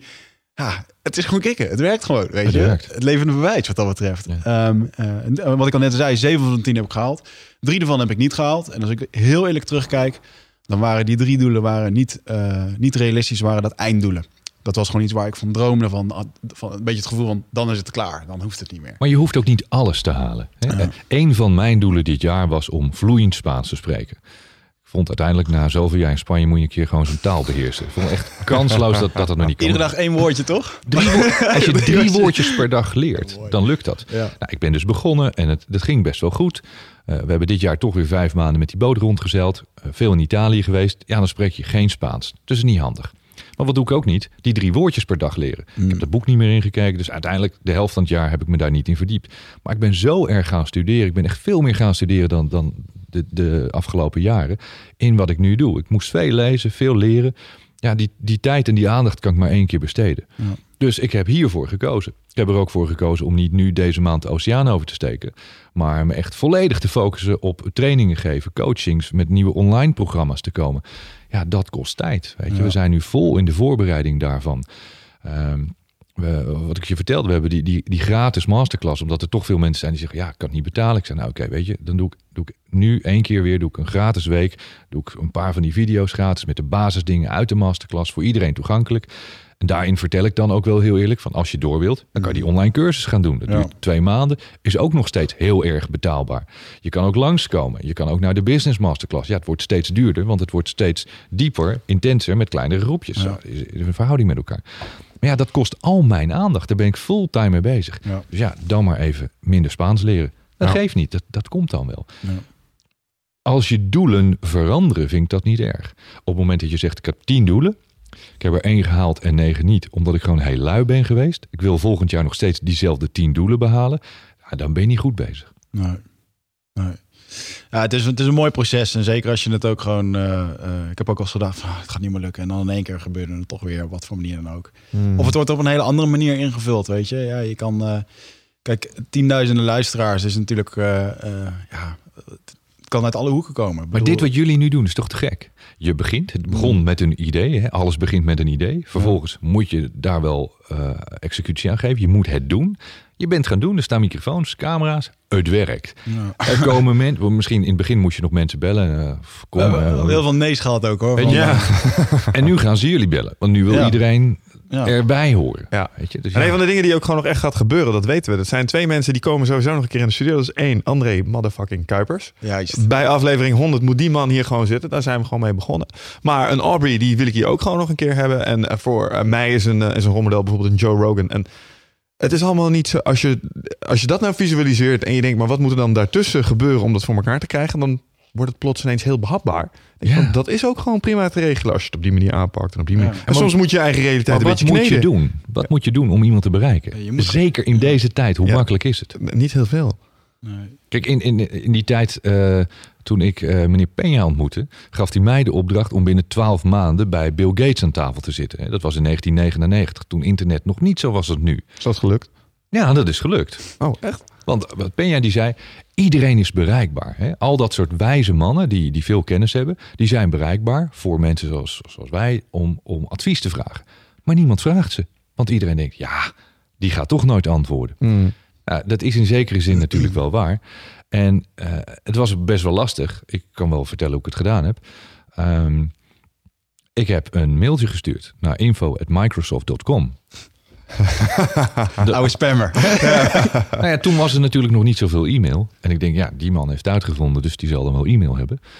En twee dagen later kreeg ik een berichtje terug van een Nederlandse jongen... die werkte op het hoofdkantoor bij Microsoft. En die zei, joh, ik heb het even doorgepaast naar een van die secretaresses van Bill. En die komt er wel op terug. En ze kwam erop terug. Ja, dat was toen natuurlijk wel met de lancering van Windows 2000. Daar zat ook wel een tegenprestatie in. Ik had een bullshit verhaal opgehouden van hoe groot ik was en wie ik allemaal niet had gesproken. Natuurlijk met 538 en Team F had ik wel wat namen op mijn lijstje staan. Ja. En toen zei ik van ja, maar we komen met een programma over internet. In Nederland, dus we gaan in Nederland op de televisie iedereen bereiken. En dan gaan we vertellen over wat Microsoft eigenlijk doet. En wat Outlook is. En dan is er een tegenprestatie. hè. Er moet wel iets in zitten, want die man gaat dat niet zomaar doen. Nee. En toen zat ik eh, zes maanden later bij die presentatie gewoon een kwartier lang, eh, vond ik al lang, met hem alleen. En hebben we even één op één een gesprekje kunnen do- doen. Dat was te gek. Ja. Mooi. Mission accomplished. Dat voelt sowieso goed. ja, dus ja. wat jij zegt, iedereen is bereikbaar. Ja. Wel, Het maakt jou niet uit wanneer ze komen. Ja. Als ze maar komen. Ja, en dat gaat ook gewoon gebeuren. Ja. Ja, en weet je, het is ook nooit een. eh, want er zijn best wel wat mensen die. die- Mijn eerste vrienden, en er zijn nog heel veel van mijn close vrienden, die luisteren echt niet. Die, ah, weer het is een podcast, weet je wel. Ja. En nu begint het een beetje te komen dat iedereen. Ah, ik, want dan horen ze anderen erover.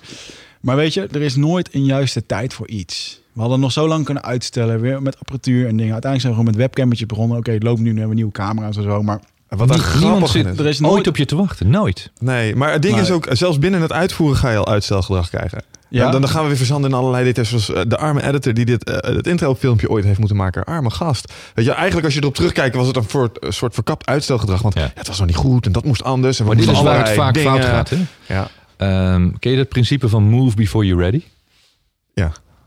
En dat wat wat je dus moet doen. Ja. En ik merk bij heel veel ondernemers, zeker startende ondernemers, die moven niet.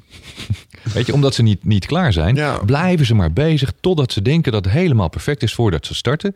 En dan heeft de wereld zo ingehaald. Ik weet niet of Wigert deze van jou heeft, maar ik gebruik hem heel vaak van Wigert. Want ik vind het een van de beste die die mij weer heeft bijgebracht. Want ik heb natuurlijk ook mee geprofiteerd van de Mhm. Ja. interactie die jullie Ja. hebben gehad. Maar eh, better done than perfect.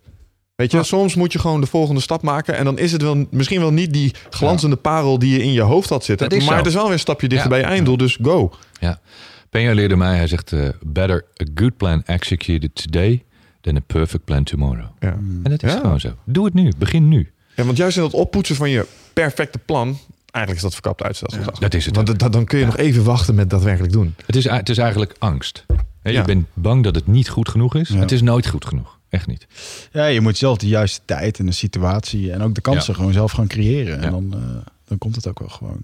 Maar goed, het is wel, eh, het is wel grappig hoe het nu... eh, en op een gegeven moment krijg je gewoon een sneeuwbaleffect. Dat het ook gewoon zelf gaat rollen en dan gaan dingen Maar, ook maar bij mij was het niet anders. Weet je, ik, ik had op een gegeven moment wel door dat ik die, die soort masterclasses wilde gaan doen of mensen coachen. En toen dacht ik van, nou weet je, ik, ik roep gewoon een datum. Ik, ik boek een, een, een ruimte ergens in een hotel.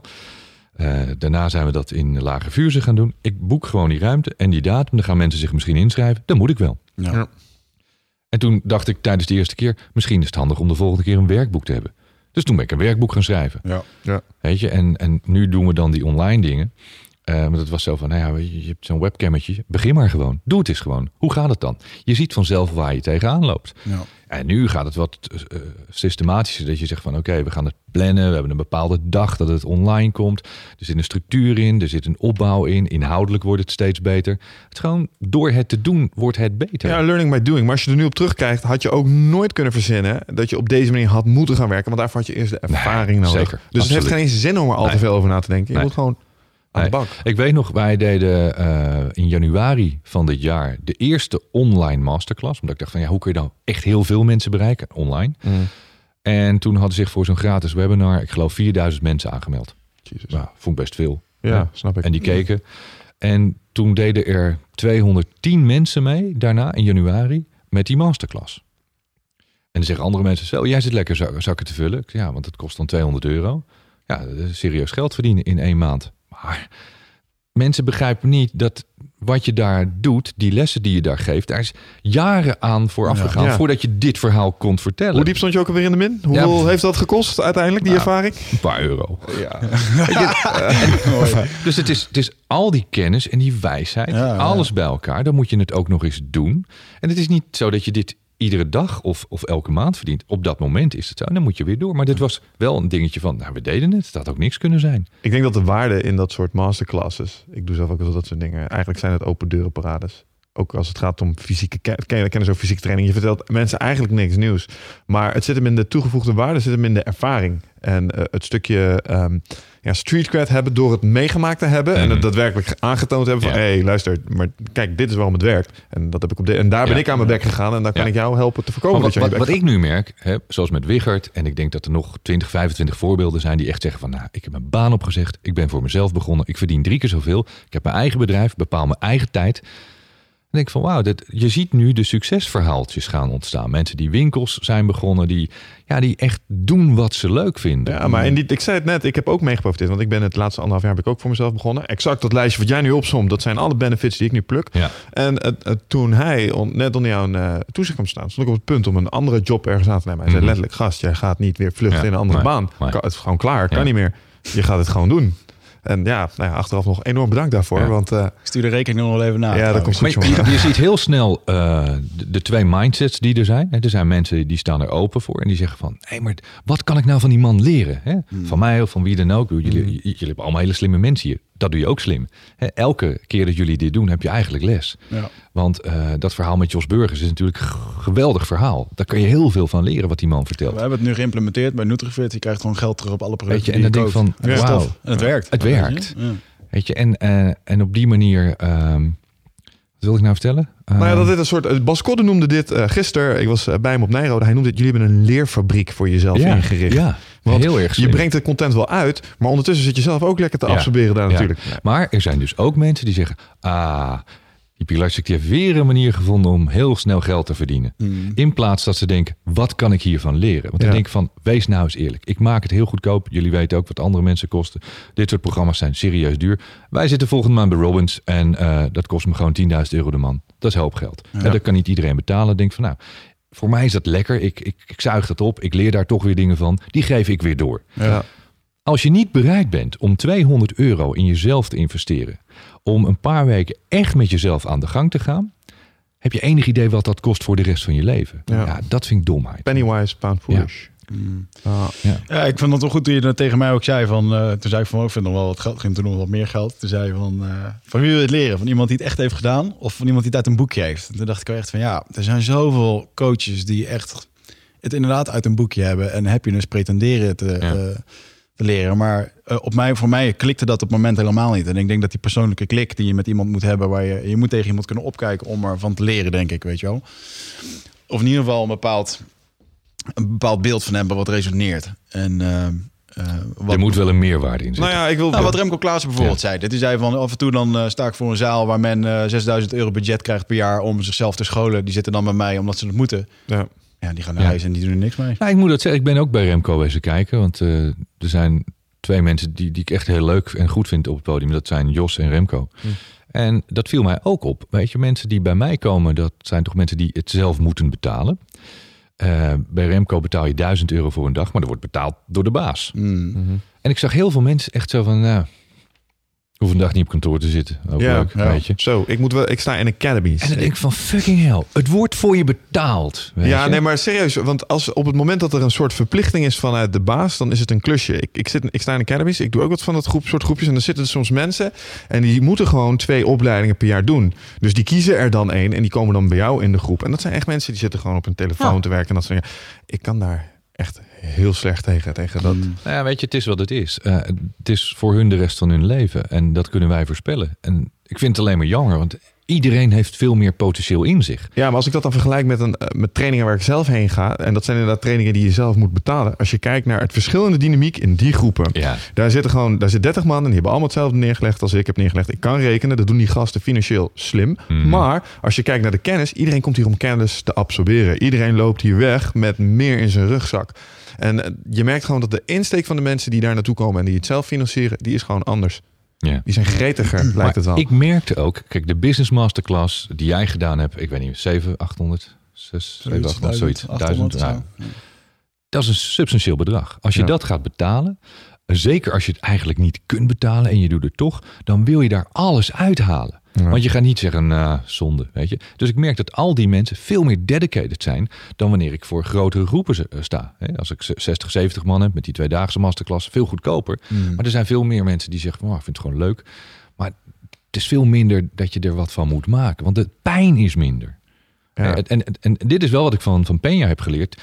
Want die 10.000 pond die deed mij pijn toen ik dat moest betalen. Mm. Maar dit heeft mij miljoenen opgeleverd. Het heeft het probleem van mijn leven opgelost. Weet je, het, het is het allemaal waard geweest. Achteraf, ja, weet je, ik, ben- ik ben nog een paar keer gegaan. Ja. Ja, waarom? Ja, omdat ik het nog steeds heel duur vind. Maar ik, ik krijg er spirit van. Ik krijg er, weet je, het gevoel dat ik denk van wauw, Ja, ik ben bereid. Ja, het is hetzelfde als het trainen wat jullie doen. Hè, Je kunt niet die gouden medaille krijgen als jij niet traint. Bloed, zweet en tranen. Het is Mm. gewoon nodig, anders ga jij niet winnen. In, in de sport is dat de gouden regel. Ja. En zo werkt het in de rest van het leven ook. Maar dat, dat ziet niet iedereen. Ja, de universe doesn't owe you anything, wat dat betreft. Nee. Dus je zult er zelf voor moeten werken. Wat eh, voor tips zou jij aan mensen kunnen geven omtrent hun, eh, eh, hun financiën? Want die, eh, die vraag krijg je natuurlijk veel.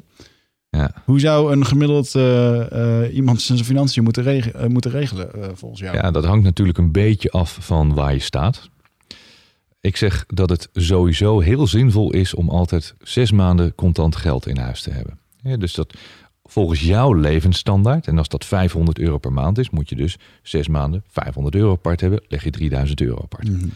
Ehm, ik geef iets meer uit, dus ik moet, moet echt wel serieus wat geld hebben. Dat als ik mijn leven op deze manier voort wil zetten, ehm, zonder dat er nieuw geld binnenkomt, dat ik gewoon zes maanden kan leven en dat ik niet in paniek schiet.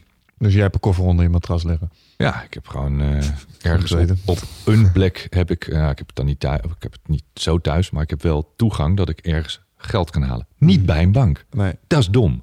Want als die bank op slot gaat of die bank flikkert om, hè, of in de tijd dat ik in de shit zat, dat er beslag wordt gelegd op al je rekeningen, Ja. dan kan je niet meer pinnen. Heb je geen toegang tot je geld, dan kan je twee ton op de bank hebben staan, maar Ja. je kan geen euro pinnen. Dan heb jij een half jaar cash. En dat moet cash hebben. En Ja. dat moet je ergens gewoon bij je hebben. Donald Trump had het ook toen hij, eh, ik geloof, 2 miljard eh, in de min stond.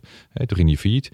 En toen pakte hij zijn geld. Hij stapte in zijn, in zijn limo, reed naar het airport, in zijn private jet. Ging twee rondjes vliegen en ging vervolgens lekker uit eten. En die zei toen ook van ja, kijk, mijn leven draait gewoon door. Hoe failliet ik ook ben, ik heb altijd toegang tot geld. Ja. En wat was er gebeurd met al die mensen die de afgelopen acht jaar in de crisis heel veel problemen hadden, als ze voor zes maanden geld hadden gehad? Hadden ze zuurstof gehad. Dus zorg dat je dat hebt. En dan zeggen ze, ja, waar moet ik dat van sparen? Ja, van het geld dat je nu hebt. Mhm. Ja, ik heb al zo weinig. Ja, dat is Ja. toch de enige mogelijkheid, want dat er is niet meer. Dus dan moet je een beetje, beetje, beetje apart leggen. En wat ik leerde van eh, Lex Harding, de, de oprichter van 538. Die vertelde mij toen van, rijk worden is, eh, is niet zo moeilijk. En ik was een jaar of 20, 21. Toen dacht ik van, nou, nu komt hij, daar komt hij. Het grote geheim van de man die het allemaal weet. Zeg, kijk, wat jullie fout doen is dat als je een gulden hebt, dan geven jullie 1,10 uit. Die is Yuki's eigen, dikke auto's, weet je. Alle allemaal dik doen. Hij zegt, en als je rijk wil worden, moet je 90 cent uitgeven en een dubbeltje sparen. Hij zegt, nou dat lijkt heel weinig, maar als je dat keer op keer maar blijft doen, Ja. dan word je vanzelf rijk. Toen dacht ik van wauw. Jaren later realiseerde ik me dat die Lex Harding daar gelijk in had. Je moet nooit een dubbeltje meer uitgeven dan dat je hebt. En wat hebben wij gedaan vanaf pak een beetje jaren 80 tot nu? Ja. Alleen maar veel te veel uitgeven. En nu hebben we het probleem en geven we iedereen de schuld. Maar wie heeft het uitgegeven? Natuurlijk hebben die banken ons verleid in de hele wereld. Maar Mm. wij hebben de beslissing genomen. Ja, jij nam toch ook. consumptief krediet. Ja, ik, ik heb het ook gedaan. Wil- Ja, ik heb daarvan geleerd. Ja. Dus doe dat niet. Het is veel beter, en dat is ook als je kinderen iets moet leren, om te sparen voor iets. Je spaart voor iets, je werkt voor iets. Net zoals dat je sport en je traint, is de beloning dat je een medaille krijgt. En in het leven is dat die auto die je dan kunt, mag kopen. Dat is de beloning voor de inspanning die je hebt geleverd. Ja. Ja, ik heb nu bij eh, de ING heb ik vijf eh, van die subrekeningen geopend waar je een naampje aan kan geven. En dan eh, iedere keer gaat er gewoon eh 10% van alles wat ik binnenkrijg, of 15% Spaarpotjes. gaat gewoon daarheen. En dan heb ik dat ook niet meer om uit te geven. En dan, ja, Handig. Ik Ja. heb bankrekeningen waar geld op staat waar ik niet aankom. Dat wordt eh, gebruikt om, om leningen af te betalen, financieringen, investeringen. Want op het moment dat dat in je betaalverkeer terechtkomt... dan is op de van- Cayman-eilanden, deze rekeningen. Nee, eh, nee, ik heb eh, alles in Nederland. Nee, dat is... eh, ja, je moet volgens mij wel heel veel geld hebben... wil je, wil je daar naartoe gaan. Echt heel veel geld. Tot die tijd valt het wel mee. Oké. Hm. Ja, tot die tijd valt Helaas nog geen verstand van. Nee, en ook financieel management. Daar hebben wij eh, veel eh, mensen te weinig verstand van. Ja. Financieel management zie ik veel ondernemers ook op onderuit gaan. Eh, niet gestructureerd, geen idee wat er eigenlijk gebeurt. En als je dan een beetje geld hebt, verspreid dat. Hè, ga, ga gespreid investeren. Mhm. En doe dat zo risicoloos mogelijk. Investeren zonder risico bestaat niet. Maar eh, wat ik deed, alles in aandelen of in opties, nog veel gevaarlijker. Ja, dan kan alles weg zijn. Ja. Je kunt het beter in vastgoed stoppen. Weet je? Eh, vorig jaar hebben we ook nog panden gekocht in Amsterdam. Ja, dan zie je dat ja, dat heeft nu 20, 50 procent rendement gemaakt in een jaar. Ja. Daar kan je niet tegenop werken. Maar hoe kijk jij naar beleggen? Ik heb zelf ook wel zitten nadenken over hoe ga ik mijn eh, pensioen regelen. Ik kwam al redelijk snel uit op beleggen. Waarschijnlijk de dividendvariant. Ehm is dat ook iets wat je mensen aanbeveelt om wel te doen? Om, want bij beleggen is het eigenlijk, je zet je geld aan het werk voor je, is het idee. Kijk, die markt is natuurlijk de afgelopen jaren echt significant veranderd. Ja.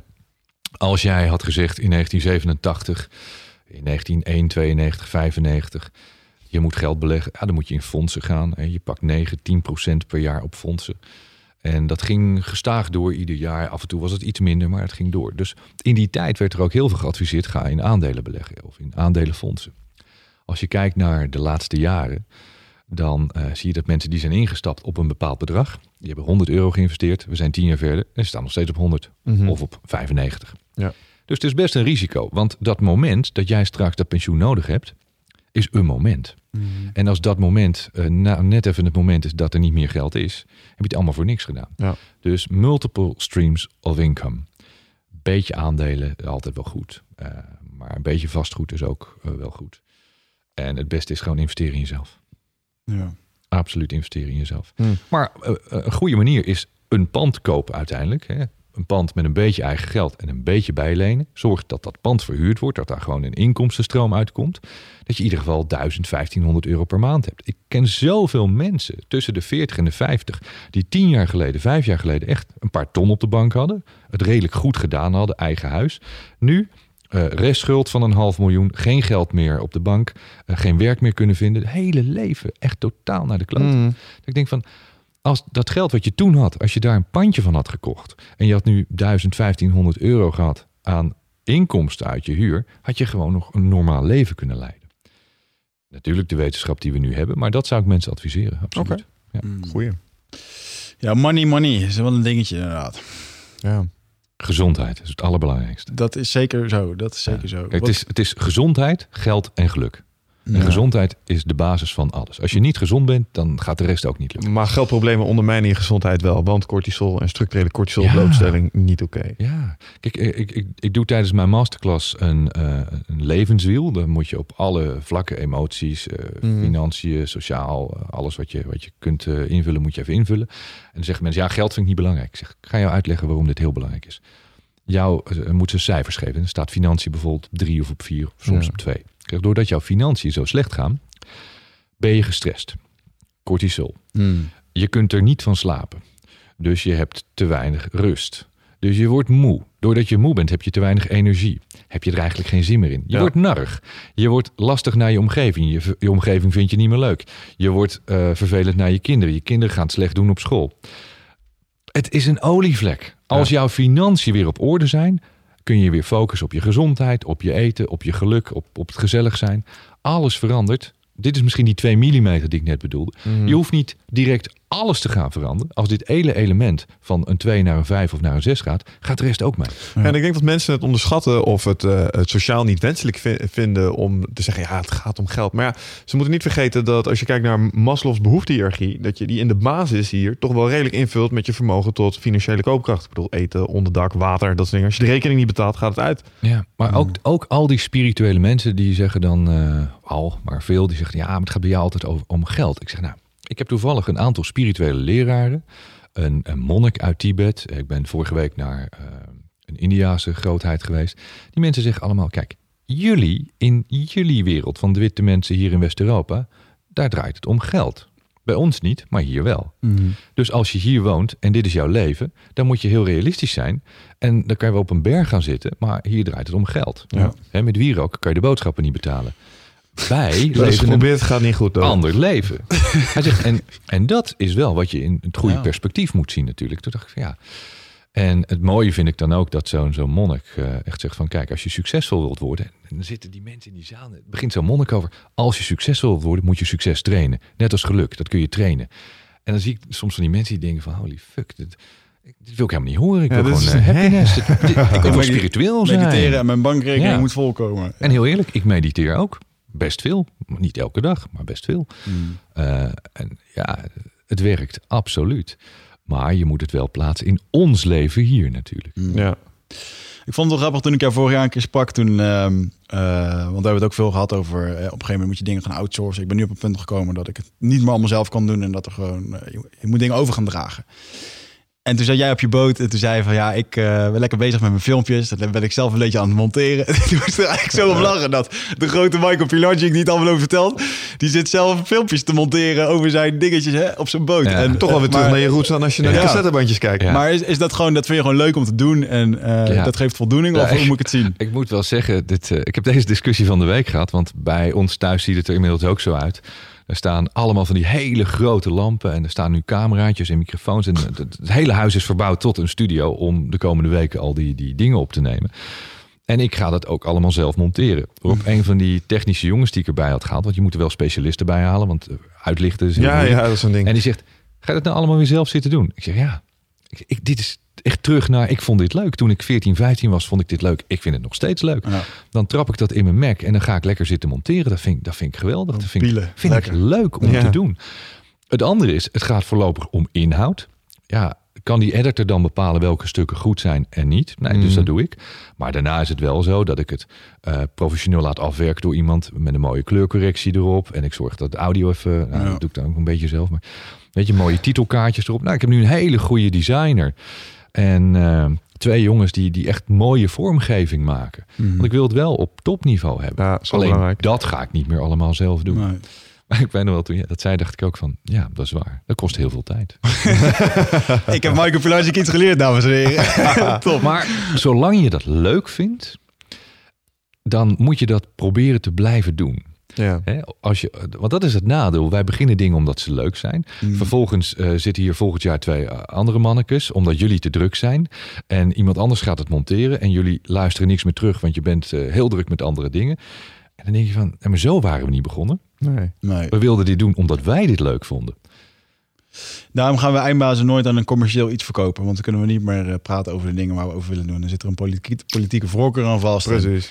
Gaat het allemaal niet werken. Dus ik wil nog wel even teruggaan, want we moeten gaan afsluiten. Ehm, jij gaat binnenkort een masterclass organiseren. Wat wil je daar de mensen over vertellen? Wat moeten ze weten? Waar kunnen ze zich aanmelden? Nou, ik doe nu. ehm, ik heb bepaald dat we drie keer per jaar een tweedaagse masterclass doen. En die is voor een eh, groep van 75 mensen. Dat vind ik heel goed te behandelen. Dan kan ik redelijk één op één werken nog met mensen. Er zit een voortraject aan vast. We doen twee keer per jaar een business masterclass. Een kleiner clubje. En eh, verder doe ik veel online. Net zoals ik de coachings die ik nog doe, die doe ik online. Eh, zoals wij af en toe ook even contact hebben. Dat werkt heel goed via Skype of FaceTime. Daar hoef je niet meer eh, persoonlijk voor bij elkaar te zitten. Ja. Maar verder doe ik nu een, eh, een nieuwe cursus. Dat is Your Roadmap to Success and Happiness. Die dingen zijn voor mij onlosmakelijk aan elkaar verbonden. Dat is online. Dat, dat is in januari gaan we daarmee starten. En in december doe ik een week lang doe ik die gratis cursus Design Your Own Life. Dat is echt de basis van wat wil je nou echt? Heb je er wel eens over nagedacht? En wanneer zou je dat dan willen bereiken? En waarom wil je dat eigenlijk? Heb je wel eens nagedacht over jezelf? Waarom je de dingen doet die je nu doet? Als je leven niet helemaal gaat zoals je dat wil, heb je dan enig idee waardoor dat komt? Dus het is een beetje zelfkennis. Er zijn een paar video's. eh, er zit een visualisatie bij. Echt één, alleen maar visualiseren, één lesje. En één eh, live webinar met vragen. Gewoon van, nou, kom erop. Eh, er zijn altijd heel veel vragen. En dat doe ik in de week eh, voor kerst, 20 tot 27 december. Gratis inschrijven, kost niks. Je hoeft er nou ook niks te kopen. Maar ik vind het heel fijn als mensen daaraan meedoen om gewoon een start te maken van is dit iets, weet je? Kan ik dit ook? Zoals jij ook zoiets had van wauw, ik ga aan mezelf werken. Nou, Je kan altijd afhaken en denken van nou, ik ga gewoon weer terug naar het leven dat ik leid. Het is niet leuk en duurt nog maar 40 jaar, maar dat hou ik wel vol. In het volgende leven ga ik het anders doen. Of je gaat nu die controle pakken en je gaat er wat mee doen. En ik hoop dit aan zoveel mogelijk mensen te mogen vertellen. Ik geef nu ook les op eh, de Business School, eh, de Hogeschool in Rotterdam. Het is te gek om met studenten te werken. Ja. Om daarmee te beginnen. En het is, het is wel weer verbazingwekkend als ik voor 80 studenten sta en ik zeg: Wat is jullie droom? En je, wat? Niemand, niemand weet het. Vier op de 80. Ja. Één op de 20. Waar wil je over vijf jaar staan? I don't know. Maar Michel, dit zijn mensen tussen de 21 en de 24. Die studeren over vier, vijf maanden af. Ja. Die hebben vier jaar business school gedaan. Een internationale Engelse opleiding. Ja. En niemand weet wat hij gaat doen. Dan denk ik van wow, er is structureel iets niet goed in ons onderwijssysteem. Echt niet. I agree. Ze zitten daar om een opleiding te volgen, Ja. niet om een drone na te jagen. En, en, en het mooie is dat nu heel veel studenten dan ook denken van cool weet je, die gratis dingetjes die ga ik allemaal volgen. En dan vervolgens, wat je ook had van ja, ik kan het niet betalen. Ik zeg nou weet je, moet toch maar eens even over nadenken. Als je die 200 euro niet kunt betalen en je bent niet bereid om dat te investeren in jezelf, denk eens over, over de rest van je leven na. Wat ga je daar ook allemaal aan je voorbij laten gaan? De kansen. En dan zie je dat heel veel van die gasten denken van eh, wauw, dit is eigenlijk wel een kans. En ik ben soms ook wel dat ik denk van joh, als ze dan zeggen ik ben bereid om het te doen, laat maar zitten. Weet je, als je 21 bent en je bent zo eager om dat te doen, dan ben ik ook de beroerdste niet natuurlijk. Mm, ik vind het gewoon leuk tuurlijk. om die kennis te, te verspreiden. Mooi man. Ik, eh, mensen kunnen jou vinden op uh, michaelpilargic.com. Yes. En eh, nou, op social media ben je ook eh, eh, heel erg actief. Ja. Dus dan mogen mensen je ook volgen. Er komt nog een nieuw boek aan. Ben je mee bezig? ja, een nieuw boek komt eh, volgend jaar. Wanneer wil je er iets over vertellen of niet? Of is het nog Ja, gepland? het gaat over mindset. Het is, eh, het is mindset, het is conditionering. Ehm, Het is geen roman. Het is een, nee, het is eh, geen roman, het is non-fictie. Oké, top. eh, Mooi. Ja, het- is alleen eh, de kwestie van... ik moet wel de prioriteit stellen om het af te kunnen schrijven. Ja. En ik heb het nu gepland staan voor maart. Maart, april moet het klaar zijn. Maar het zou zo nog maar eens eh, september kunnen gaan worden. Dat is afhankelijk van eh, een paar andere factoren. Maar voor, zeker volgend jaar, absoluut. Oké, mooi.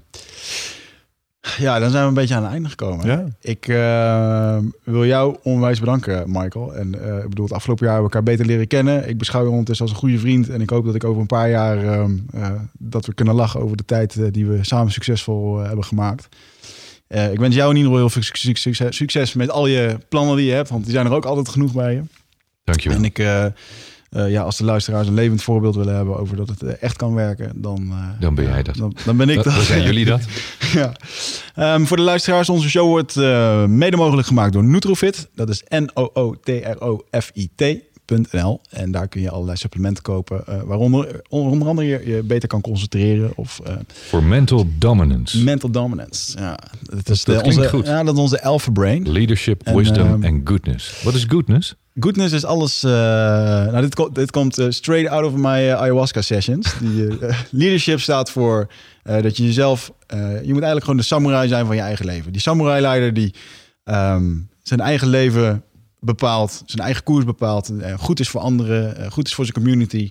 En eh, gewoon weet wat hij wil. En dromen najaagt op een, op een goede manier. Nou, dat wisdom, dat komt de wijsheid uit het oude shamanisme. Nou, daar hoef ik jou niet over te vertellen Mhm. over wat wijs is. Al, we, hadden het net, we hadden het net over die wijsheid. Nou, Mhm. Dat is het exact. Ja. En goodness is alles wat je doet om jezelf gezond te houden en je omgeving prettig te houden. En dus eh, dat, daar horen ook supplementen bij, bij de laatste. Ja, absoluut. Hè, vandaag de dag, eh, je hebt gewoon, eh, eh, we lopen allemaal eigenlijk eh, veel te hard. En eh, ons eten is ook vaak niet zo goed. Dus dan kunnen supplementen daar heel erg aan bijdragen. En Nutrifit doet alleen maar biologische, organische supplementen. Geen E-stoffen, geen, eh, geen rare, rare ingrediënten. Eh, dus ga daar naartoe. eh, gebruik de kortingcode eindbazen voor 5% korting. En ehm, we worden ook gesponsord door easier.com, waarmee we social media op een hele toffe manier voorbij kunnen laten komen. eh, op televisieschermen of op een website. Bijvoorbeeld als je een bekend merk bent. of Dus als je evenement. hashtag Mr. Mindset doet, Die, ik ga het voor jou regelen. Dan- ja, dan- we gaan het regelen. Goeie, inderdaad. dan kan ik op Easier kan ik alles volgen Ja. waar ik, waar ik te zien Nou, ben. dat komt dan op jouw website te staan en Ja. dan komen er alle dingen voorbij. Ja. Maar we gaan het regelen. Ik ga een accountje voor jou maken. Ah, ik heb er naar mij- gekeken. Het ziet er heel goed uit. Oké, oké. We gaan het regelen. Ehm, ja, Mike, bedankt. En eh, luisteraars, Dankjewel. eh, Michel. thanks. Tot de ons, volgende keer. volg ons op Facebook en YouTube. En ehm, we zien jullie bij de volgende. Thanks. Ciao.